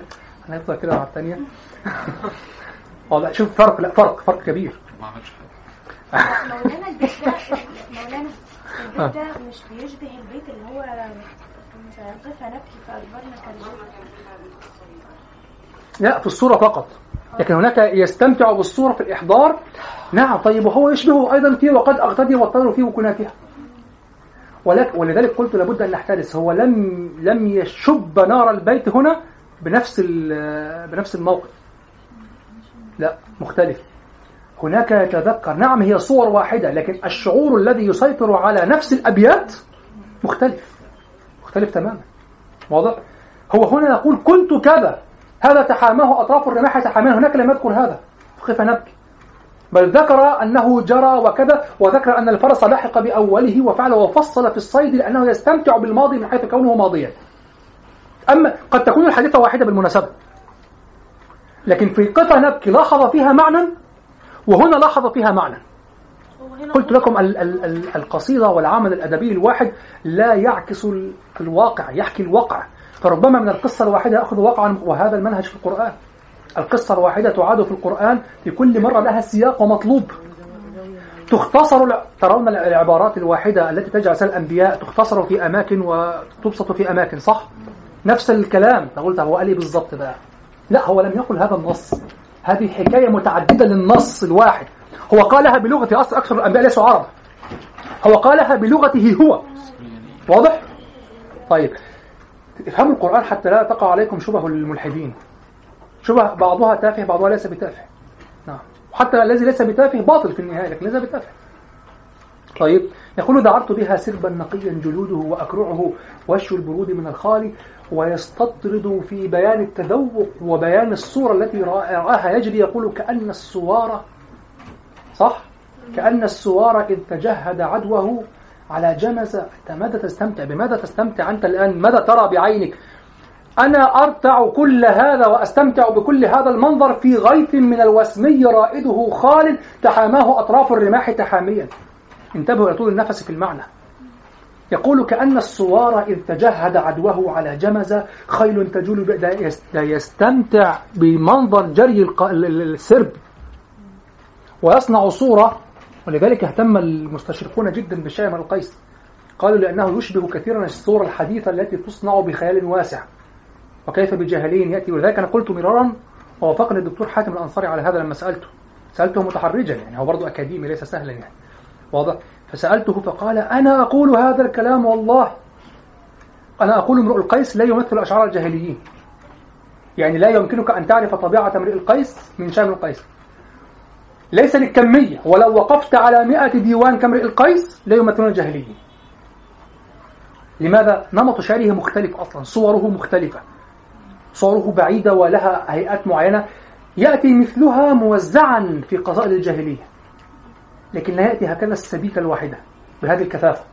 ولهذا قال الآمدي في كتابه الموازنة بين أبي تمام والبحتري هذا في الجزء الأول صفحة 420 يقول الذي في شامل القيس من بديع المعنى والوصف وبديع التشبيه ومن كذا وكذا وعدد بعض الصور قال في فوق قال فوق ما في أشعار سائر الجاهلين والإسلاميين يعني لو جمعت أشعار أهل الجاهلية من بعد من القيس كلهم وجمعت كل أشعار الإسلاميين على ضخامة هذه الدواوين ما في شعر من القيس من هذه المعاني البديعة والمخترعات والتشبيهات المعجبة وكذا يفوق ما في أشعارهم جميعا. طيب هذا ليس سهلا. الأمر هنا لا يمثل أشعار الجاهلية بحال. نعم. فانظر هنا ماذا يصور. يقول كأن وعنده كما قلت نبهت من قبل عنده طول نفس في المعنى. يغيب عنك المعنى الذي في الأول وهو يقصده لأنه لا يحكي لك. عليك أنت أن تكتشف الشعيرة التي تغذي المعنى. وهي عنده هو الشعيرة في الخارج قد تنقطع لكن في الجسد محفوظة. فهو هو الشعيرة في جسده في جسد القصيدة فهو يحفظ القصيدة لنفسه يقولها لنفسه. لا يقولها لتفهمها فينظم لك ويظهر ويراعي المقام لا هو يكلم نفسه في الأصل. أو يتكلم إلى غيره ولكن تغلب عليه الذاتية في الشعر. ولذلك خرج شعره دقيقا جدا. يقول كأن الصوار إذ تجهد عدوه على جمز خيل تجول بأجلاله. كأن الصوار الصوار هو قالوا الصوار بالضم وبالكسر الصوار والصوار وهو قطيع البقر. سرب البقر. سرب البقر يقال فيه الصوار جماعات الحمير الوحشية أو سرب الحمير الوحشية يقال فيه العانة العانة. وفي النعام مجموعة النعام يقال الخيط. وهو امرؤ القيس نفسه ذكر جمع الثلاثة في بيت واحد في قافيته التي هي القصيدة الثلاثين في ديوانه التي رواها المفضل الضبي. حينما قال بعث غلامه يعني آه، يرود الحيوان ماذا نصل وكذا فقال فقال ألا هذا صوار وعانة صوار وعانة وخيط نعم وخيط نعام رائح متفرق. فقال ألا, ألا هذا صوار وعانة وخيط نعام رائح متفرق. واضح؟ فالصوار جماعة الأبقار. الصور والصوار بالضم والكسر.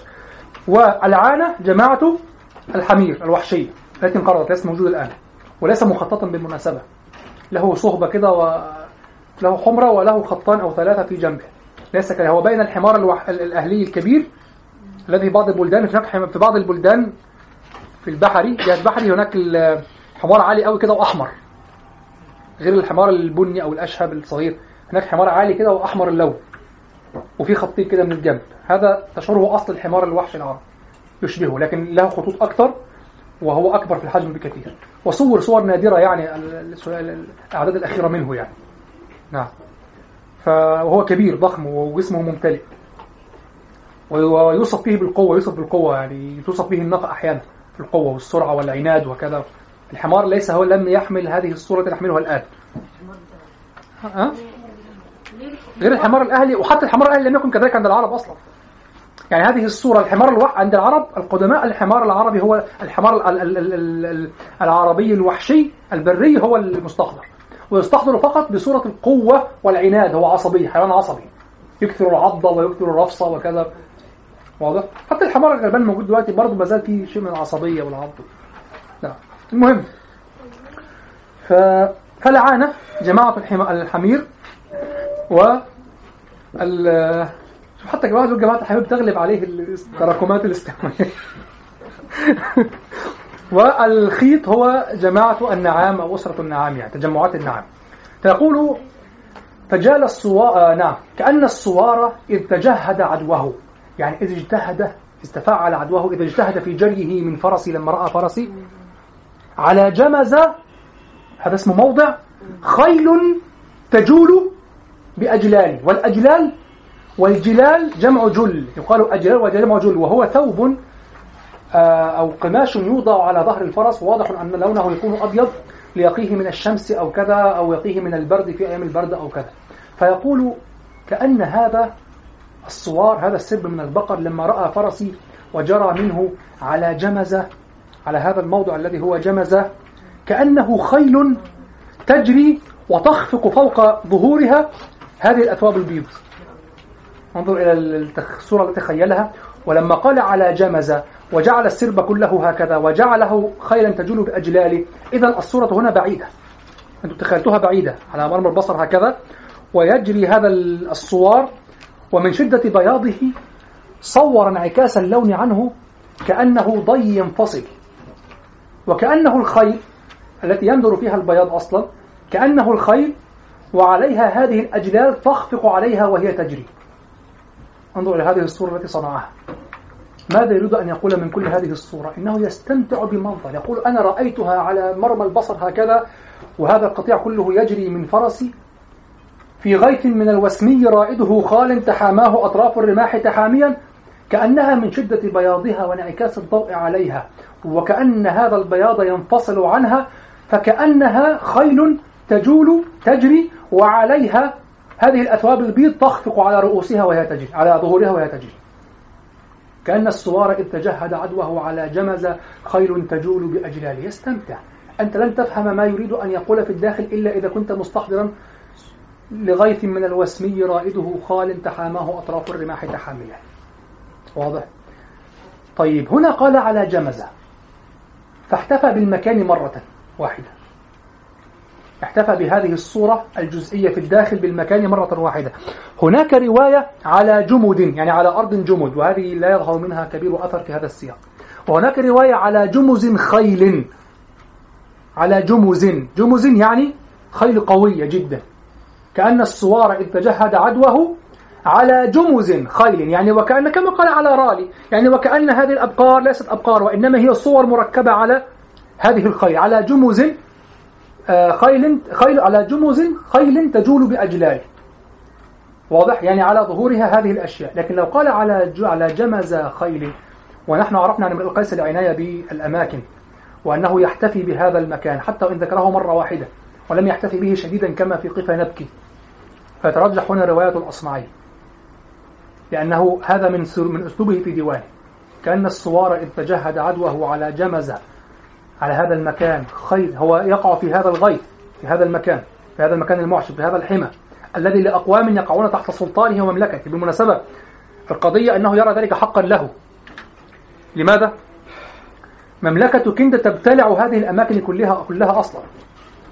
مملكة كندة تبتلع هذه الأماكن كلها. انظروا ابحثوا عن كل مملكة كندة أو ممالك العرب قبل الإسلام على اليوتيوب في الصور الجوجل في الصور. ترون صور مملكة كندة. وممالك الغساسنة في الأعلى والمناذرة مملكة كندة تبتلع تقريبا كل نجد. يقع فيها غطفان ويقع كذا كلها تحت مملكة كندة فهو يرى أنه هذه أرضه أصلا. واضح؟ والممالك تعطي تعطي في القبائل تعطي بين القبائل حكما فيدراليا كما يقال. يعني بينها ثارات وبينها كذا تصفي حساباتها بأعرافها وكذا وكذا. لكن هناك قوانين عامة تحكم هذه المملكة. إذا استدعاهم صاحب المملكة أو كذا أو هم إذا احتاجوا إليه في خصومة أو كذا يرجعون إليه وكذا. هذه معروف ما معنى المملكة عند العرب. لهم سيادة ولهم كذا ولهم كذا. وأحيانا يقاتلون. كما فعلت بنو أسد مع كندة. هم حاربوا كندة. ولذلك هناك خلاف. هل اغتالوا ملك كندة؟ أم آه وقعوا في حرب. يعني هناك أبيات عند امرئ القيس في الرائية تقول إنها حرب. يقول وكنا أناسا قبل غزوة قرمل ورثنا الغنى والمجد أكبر أكبر. فما جبنت خيلي ولكن تذكرت مرابطها. من بربعيصة وميسرة. واحد. يعني هو إذا كان هناك حرب سقطوا فيها سقط كندة فيها. وكأنها أعد لها لذلك لهذه الحرب. لماذا؟ لأن ملك كندة كان متجبرا. هم بنو أسد يسمون بعبيد العصا. في مرة امتنعوا عن الإتاوة له للمملكة أو الحقوق الاقتصادية عليها أو الضرائب أو كذا. ف. وأساءوا إلى رسله فقتلهم لا بالسيوف قتل هذا أبو أبو امرئ القيس. قتلهم بالعصا. ضرب بالعصا هذا عند العرب كبير. يعني أخذ يضربهم بالشوم حتى ماتوا. فلقبت بنو أسد بعبيد العصا. وهذا معروفة تاريخيا عبيد العصا. واضح؟ ف...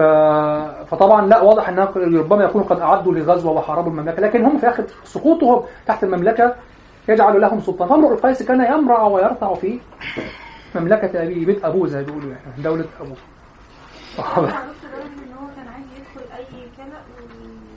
أنت هتعترض للأمير يعني ال... إن المملكة اللي بلع كل شبه الجزيرة. هو بيتكلم إن هو كان معروف جدا يعني مش طبعا ولذلك لذلك انكسر في الشام. نعم القصيدة القادمة يعني أرجو أن قلبك شوية على الراجل في القصيدة اللي جاية دي. لأنه لما خرج بكى على كل شيء. يعني بكى حتى على بسباسة. له الويل إن أمسى يا لهوي أبت من غير بسباسة. يعني شوف واضح إنه ما كانش بيبات غير في صحبة وسهرة وصحاري واللي أنت عارفه. أو هو السهر والسمار معروف عند العرب يعني. فيقول له الويل إن أمسى. طب إشمعنى إن أمسى؟ الليل هيجي بقى. وهتفتكر بقى الأيام. ليال بذات الطلح عند محجر أحب إلينا من ليال على عقر وغاد الصبوح عند هر وفرتنا وليدا. وهل أبنى شبابي غير هر؟ إذا ذقت فاها قلت طعم مدامة معتقة مما تجيء به التجر. وكيف شباب؟ أه؟ أقول لك وكيف؟ ما علينا. فهو, فهو يقول هنا آه يقول هنا آه نعم يقول وله الويل إن أمسى ولا أم هاشم قريب ولا البسباسة ابنة يشكرها الآن خرج من داره فقل مقداره. هو خرج خلاص خرج من كل أرض. ما مقداره؟ في أرض العرب كل التي فاتت كل نجد كانت له. واضح؟ ولذلك كثر كثر ذكر الأماكن في شعره كثيرا. في كل مكان له صويحبات وله ذكريات وله كذا وله كذا. مر عليها على هذه الأماكن وهو طريد. الممالك تريد قتله وبنو أسد يخططون له وهو مطالب أن يمر بكل هذا إلى الشمال والشمال أعداؤه. إلى الشمال حتى ينفذ منها إلى الشام ومن الشام إلى تركيا. من الذي وقف بجواره وسنده وله عليه يد؟ بنو طيء في الشمال. الناس كلها كرهاه بين أجأ وسلمى. لا ولكن أجدادي أووه يعني. كانت لهم نظرة أكيد في هذا الأمر يعني. ف... نحن لا نخالفهم. نعم لنا عليه يد لو لنا ما وصل إلى تركيا أصلا. بنو طيء في الشمال ظل يتنقل فيهم أصلا وظل يعني يدخل في جوارهم. وبنو طيء يعني قوم عظام يعني. لو أرادوا لقتلوه وانتهى لكن هو يجمعنا معه ال- اليمانية أن جذورنا قحطانية ليست العدنانية الشمالية لكن قحطانية. وواضح أنهم كان بينهم ولاء لأن هناك من من القحطانيين من يرفضونه يرفضون مملكته واضح؟ لكن واضح أنهم بنو طيء ليست قليلة يعني لا كندة ولا كندة واخد بالك؟ فواضح أنه كان بينهم يعني ترابط أو كذا أو نوع من الولاء أو كذا. نعم. فيقول كأن الصوار إذ تجهد عدوه على جمز خيل تجول بأجلاله فجال الصوار واتقين بقرهب طويل القرى والروق أخنس ذيان فجال الصوار جال جولة شوف يصنع لك حكاية طويلة قد تنسيك. الذي ينقطع نفسه بالمعاني لن يفهم. لكن هو يصنع لك أحداثا. هذه الأحداث متصلة كالقصة سردية ومنغمة على ما يسمى البحور فجال الصوار صوار البقر هذه البقرات هو الإناث استفاد إيه بالقصة؟ أنت كده مش معايا من خالص بقى من الأول. طيب هذا السؤال. الموضوع ده في الأول. ها؟ هو هنا بيقول استفاد استفاد من القصة دي؟ لا استفاد إيه؟ إنه يحكي اللي فيه بقى وبتجري وكده. هي القصة مش ان في بقر والله العظيم. أنت كده مش معايا من الأول صدقني. فاهمين قصدي إيه؟ في في تسلسل يا جماعة في في خيط في ذهن شاعر. هذا الشاعر ليس على طريقة الفلاسفة والمتأخرين أنه يقول لي معاني محدودة بالأبيات ويقول لي حكم. هذا الشاعر يسرد خيالا وقصة في ذهنه بدأت في هذا يعني أول بداية له هنا حتى تفهمها غيث من الوسمي رائده خالي تحاماه أطراف الرماح تحامين. أنت معنا طبعا فاهم القصة. هو أحسن وصف وصف لحاجة زي كده تميم وهو بيقول اللي هي في القدس. لا تعليق أحد الحكام قال له أنت قاص في صورة شاعر. قاص في صورة الشاعر نعم. بس ده كان أحسن تعليق هو والقصة ستؤدي معنى شعريا في الأخير. بالظبط هو بيقول لك قصة وكده بس فبيقعد ومن هنا لم يفهم أكثر الدارسين ال- الأكاديميين الشعر الجاهلي. ترى يقول ما هو إلا وصف الأبقار والصيد والكذا والنساء؟ ولم يفهم. هو وجدها متقطعة ولذلك قالوا قفا نبكي متقطعة وتأتي على قصائد وكذا. وربما لو درست هذه القصيدة جيدا منهم يعني لو أولاها اهتماما قالوا متقطعة أيضا. أنا لا أراها كذلك. أنا أرى شاعرا يغني لما في نفسه. صنعه أو تغنى به هو يقدم لك عملا فنيا هذه صفته. هو إحنا محتاجين نفهم العرب إزاي كانت بتتعامل مع الشعر ولذلك قلت في الأول قصتان أو أمران.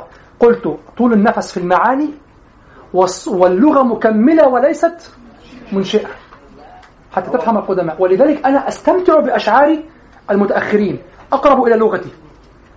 لكن عند الإجلال قدماء.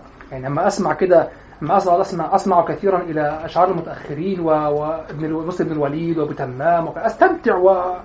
ولكن أول ما أرجع أسمع نص جاهلي و- أو أقرأ نص جاهلي وراء لغة تانية لغة تانية شكل آخر. ال- ال- الفارق تصوير قدرة تصويرية عجيبة لا يقدر عليها المتأخرون أصلا. في القديم كان بيتكلم الشعر لمجرد إنه يروي أي حاجة تحصل فبما بما إنك عندك مقدره تقولها شعر فهتقولها شعر يعني نعم. الشعر في ذاته قول الشعر كان غايه مش كان يستطيع أن. أن يحدث وأن يولد شعورا أو بنية شعرية وخاصية شعرية من أحداث لا يستطيع المتأخر أن يصنعها منها. هو مع الوقت مع الوقت ذهبت ملكة أن يكون قول الشعر غاية وأصبح إن أنا عايز أقول القصيدة دي لسبب آخر. القصيدة صحيح. بقت وسيلة مش غاية. صحيح في صحيح. حين إن في المتقدمين كانت ال- القصيدة غاية في ذاتها. صحيح. هو ده الفارق الرئيسي اللي إحنا مش قادرين نحسه.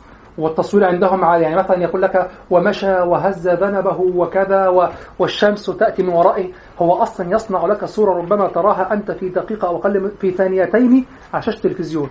ال- القبيلة وهي ماشية والشمس وراءها وينفذ منها وتصنع ظلا طويلا وينفذ منها كذا وترى أذناب ال- الإبل تهتز في هذه الأضواء وتصنع ظلا على الأرض. كل هذا يحكيه لك وأنت لا تنتبه إلى أنك تحتاج إلى قوة شعورية لتحويلها إلى صورة شاشية صورة خيالية. تقف أمامك اللغة والألفاظ و و والكلام الكثير المحذوف بين الأجزاء. يعني حينما قال لطيفة طي الكشف غير مفاضة إذا انفتلت مرتجة غير متفالة الصورة متصلة في الآخر. أنت لم تنتبه إلى حينما نبهتك إلى هذه الجمل المحذوفة الكثيرة بين الكلام.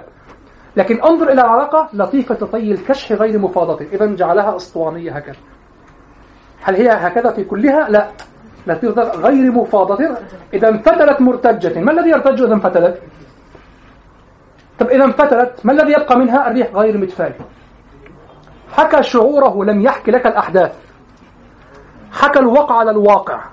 فلا تنتظر أن يقص عليك ما تفهمه. حاول أن تفهم أنت ما يقص. هذا هو. هذه الصعوبة في أشعار القدماء لذلك تجد البيت كده تفكه كده. تحطه كده في مية وتملى بيه الدنيا كده. وتقعد تعيش معاه وترجع تتذوقه تاني تسيبه فيلم يلم منك وترجع تتذوقه وتفكه تاني. وتسيبه ويلم منك وترجع تتذوقه وتفكه تاني. هكذا أفعل مع امرئ القيس. لا أشبع منه. يوميا. كل كده كل الدول. مش ممكن يعني. رهيب. لا يترك. إدمان. والله إدمان. رهيب رهيب. المعلقة إذا أردت أن أسمعها سماعا حقيقيا لا أستطيع أن أتجاوز المقدمة. أرتاح ثم أرجع في وقت آخر. لماذا يعلو؟ ها؟ إحنا ما عندناش إحساس عادي لا المعلقة لها جو آخر وشكل آخر تعيش في داخلها كالسحر. وصل الأمر إلى حد صعب بالأمس يعني أولا. أقول ولا لا؟ بلاش. أنا قلت لعل هكذا جني يحضر لي المنظر الحقيقي الآن وقت- وتركت نفسي حتى استفدت يعني. كنت سايبه لنفسك. قلت بنسمع عن أشياء زي كده كتير وانتقال والأثير وبتاع. قلت لعل يعني أركز لحد. فنفضت نفسي هكذا قمت. يعني غرقت غرقت في النص جدا جدا. هذا لا يكون إلا بعد عيش سنوات في النص. فتتجاوز مشكلة اللغة تتجاوز مشكلة فهم الألفاظ تتجاوز مشكلة التأثر من الخارج. حتى تعرف معنى الألفاظ تتجاوز مشكلة تراكم الاستعمالات عليها. واضح؟ أشعر أنها لا تحبني مش عارف. بخاف أعترض. الاخ اللي كان بيجي كان طيب. الاخ اللي كان بيجي لك الأول كان لا طيب وحصل كده حاجة كده لقيتها في- يعني أيوه يعني آه، ما بس قلت على حاجة يمكن كنت عايزها بصراحة. الأول الاخوه اللي كانوا بيجوا كانوا بيقولوا المحاضره قربت تخلص كانوا. طيبين فما كانوش بيعرفوا يتصرفوا طيبة يعني. لا هي وهم قرروا يجيبوا حد يعني، حاسم عشان يجمع الموقف. أه؟ قرروا يجيبوا حد حاسم عشان يظبط الموقف. المو- أنا موافق. أنا حاسم ومستقيم. لابد مخلص. المهم. ف هم قصة تخلص أهم حاجة. فيقول فجال الصوار واتقين بقرهب. القرهب هو الثور المسن ال- القوي المسن. هذا هو القرهب. القرهب قالوا الضخم القوي وضموا إليه كذلك المسن. لأنه يكون ضخما قويا يكون مسن. مسن يعني طعن في السن دخل في السن لا أنه تهالك في السن. لأنه هلك في السن لا يعني كبير في السن. وله من الصفات الخلقية ما يؤهله إلى أن يكون حامي هذه البقرات أو هذا السن. فجال الصوار جال جولة. واتقينا هذه البقرة. شوف حكاية قصة. واتقينا بقرهب طويل القرع الظهر والروق القرن أخنس ذيال معنى أخنس؟ يعني أنفه طبعا يحدث فيه الخنس وهو ارتفاع أو ارتداد للأنف إلى الوراء. نعم كما يقول يحدث هذا متى في ال- ال- الثور؟ حينما يكتنز لحما فيعرض وجهه فيرتد أنفه إلى الوراء قليلا من اكتناز لحمه أو كأنه ارتد من اكتناز اللحم. ترى الثورة القوية هكذا وجهه عريض وأنفه كأنه قصير مرتد هكذا إلى الأنف صح؟ بخلاف الهزيل. لا هذا وذيال إلى الذيل هزيلة فعال من الذيل يعني ذيله طويل سابغ شعره كثيف كثير وهذا لا يكون في الأبقار عادة إلا إذا كانت يعني كأن هذا الذكر فيه هرمون الذكورة عالي جدا يعني حتى ال- الشعر يخرج من أول ذنبه هكذا ذيال يعني ذيله طويل وكثير الشعر وكذا ليست كل ال- البقرات تكون كذلك. العادة أن تكون في الأخير فقط وأن يكون الذيل منحولا أو منجردا لكن هذا الذيال ذيله طويل وكثير الشعر وهذا مثل ذلك يكون كذلك في الإبل. يكثر شعرها حتى يوصف بأنه ك آه، كأجنحة العقاب من كثرة ما يخرج منه من الجدائل ويوصف بأنه كذلك. كسباط النخل يعني كهذا الكف الذي يخرج أو هذا. هذا القنو واضح فيقول فجال الصوار واتقينا بقرهب يعني احتمى وراء هذا قرهب واتقينا بقرهب بثور مسن ضخم شوف حكاية مستمتع كما استمتع هناك بماذا؟ فألحقنا بالهاديات. فجال الصوار واتقينا بقرهب طويل القرى هذا كناية عن قوته. والروق القرن أخنس كناية عن اكتنازه باللحم وعرضه. ذيالي كناية عن تمام سنه وتمام قوته البدنية وهناك رواية ماذا؟ فخر لروقيه. فخر لروقيه وأمضيت مقدما. طوال القرى والروق أخنس ديال وهذه الرواية فيها مشكلة. أولا قوله فخر لروقيه الضمير لا يعود على شيء مذكور أو معهود لأنه قال فجال الصوار واتقينا بقرهب طويل القرى. آه لا قبلها يقول كأن الصوار إذ تجهد عدوه على جمز خيل تجول بأجلال فقال هنا فجال الصوار واتقينا أو فخر لروقيه. من؟ ما, ما الذي خر لروقيه؟ فخر لروقيه فلا يتضح حتى من السياق ربما تقول يعود على شيء معروف في الذهن وكذا آه غير معروف هنا. يعني لا لا ليس معهودا ذهنا ولا ذكرا. واضح؟ طيب هذه المشكلة الأولى. وقوله وأمضيت مقدما فسرت بتفسيرين. أمضيت مقدما على المفعولية والمقدم هو الثور المقدم. وأمضيت معنى قتلت. معناها قتلت يعني وقتلت ثورا مقدما. فمقدما وصف لموصوف محذوف. أمضيت ثورا مقدما. كان يقدم علي منها ثور الذي هو حاميها فأمضيته قتلته. والتفسير الآخر أن تكون مقدما حالا. أمضيت مقدما يعني أمضيت أنا مقدما. فخر لروقيه وأمضيت مقدما. طيب وأين ما الذي خر لروقيه؟ ثم هناك المشكلة الإعرابية بعد ذلك. لأنها قال طوال القرى والروق أخنس ديال. طوال القرى ما إعرابها؟ حال. وأمضيت مقدما طوال القرى إذا قلت أمضيت مقدما مقدما مفعول ستكون طوال القرى ماذا؟ نعتا إذا قلت أمضيت مقدما أنت تقصد نفسك ثم قلت طوال القرى حال من خرج روقيه يعني خرج روقيه حال كونه طوال القرى والروق أخنس ديال صح؟ ستواجه المشكلة هنا في إعراب ماذا؟ ذيال من أين جاءت الكسرة فيها؟ كان ينبغي أن تكون ذيالا طوال القرى والروق أخنس ذيالا. أبو جعفر النحاس أول هذا الكسرة بتأويلين. أوله بتأويلين. قال الأول هذه الكسرة في الحقيقة ليست مادة الحركة التي هي حرف الروي. حركة الروي لا. هذه الياء في الأصل هي ياء النسب. يعني ذيالي. وحذف إحدى الياءين ذيالي. وهنا تقف. ولماذا؟ هذه محاولة لغوية للحل. وكأن اللفظ بعيدة ولكن أين أين التنسيق الشعري في القضية؟ لماذا يأتي ويقول ذيالي كمان يعني ذيال وفهمناه. لكن ذيالي ويأتي بعد أن ذكرت صفات أخرى أنه طوال القرى والروق أخنس لها دلائل أشد على القوة فتؤخرها كل هذا التأخير وتأتي بها على ياء النسب ما علاقة التخصيص. وهناك تأويل آخر على التسكين وهو قال وهو ذيال على التسكين. لا تنطق لا لا تظهر الرفع الرفع ليس الكسر يعني هو فخر لروقيه وأمضيت مقدما طوال القرى والروق أخنس هو ذيال فيها مشكلة أشد وأكبر. هو ذيال يعني بعد طوال القارة الذي يقتل به طوال الظهر القارة والروق القرن الذي يقتل به. هو ذيال؟ رأيتم في سبيل التعسفات اللغوية؟ ماذا؟ هذا ما عصب الأستاذ محمود شاكر رحمه الله وهو يخالف بعض القدماء في المرزوقي في تفسير بعض المواضع. لكن أخطاء المرزوقي كانت أقل أو يعني تفسيراته كانت أقل بعدا من هذا في تفسير هذه القصيدة في شرح أحمد. فقط لابد أن يستوعبوا أولا الوجوه. واضح؟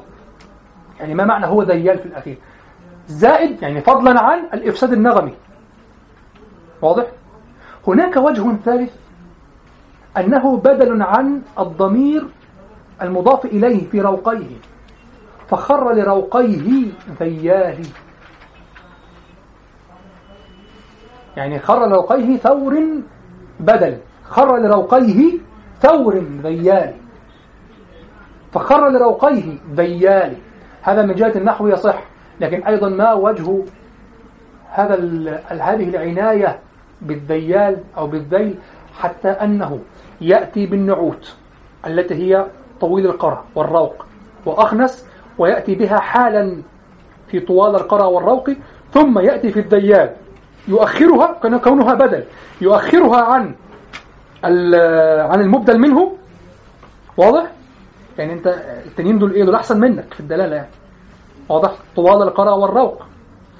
فيؤخر هذا هذا البدل عن المبدل منه ويستنكف أن يأتي به صفة ويستنكف أن يأتي به حالا ليأتي به بدلا مؤخرا عن كل هذا. هذا سقوط. لا أقول سقوط عن مستوى من القياس عن مستوى الشعر نفسه أصلا. لا معنى للذيال هنا إلا إذا اكتشفوا سر الذيل هل الذيال لا تحمل على فعل كثير الضرب بذيله؟ لا لا. ده الضب اللي كده اللي بيضرب ممكن يكسر قدم البهيمة بضربة الديل. وهو ذيله لو حاجة اقتربت منه بيخبطها بديل كنوع من أنواع الدفع. لا لأن السياق هنا وصف أوصاف بدنية. أنا لا أفهم ان هو يدخل في القتال الضرب بالذيل يعني. لأنه قال واتقينا بقرهب ثم وصفه وواضح أنه في قلب الحدث. طويل القرى والروق اخنس ذيال فهو يتكلم على ذيل سابغ. ثم هناك تكلف في في هذه التأويلات أصلا. هناك تكلف فيها. واضح؟ ها؟ قرهب الذي هو الثور يعني.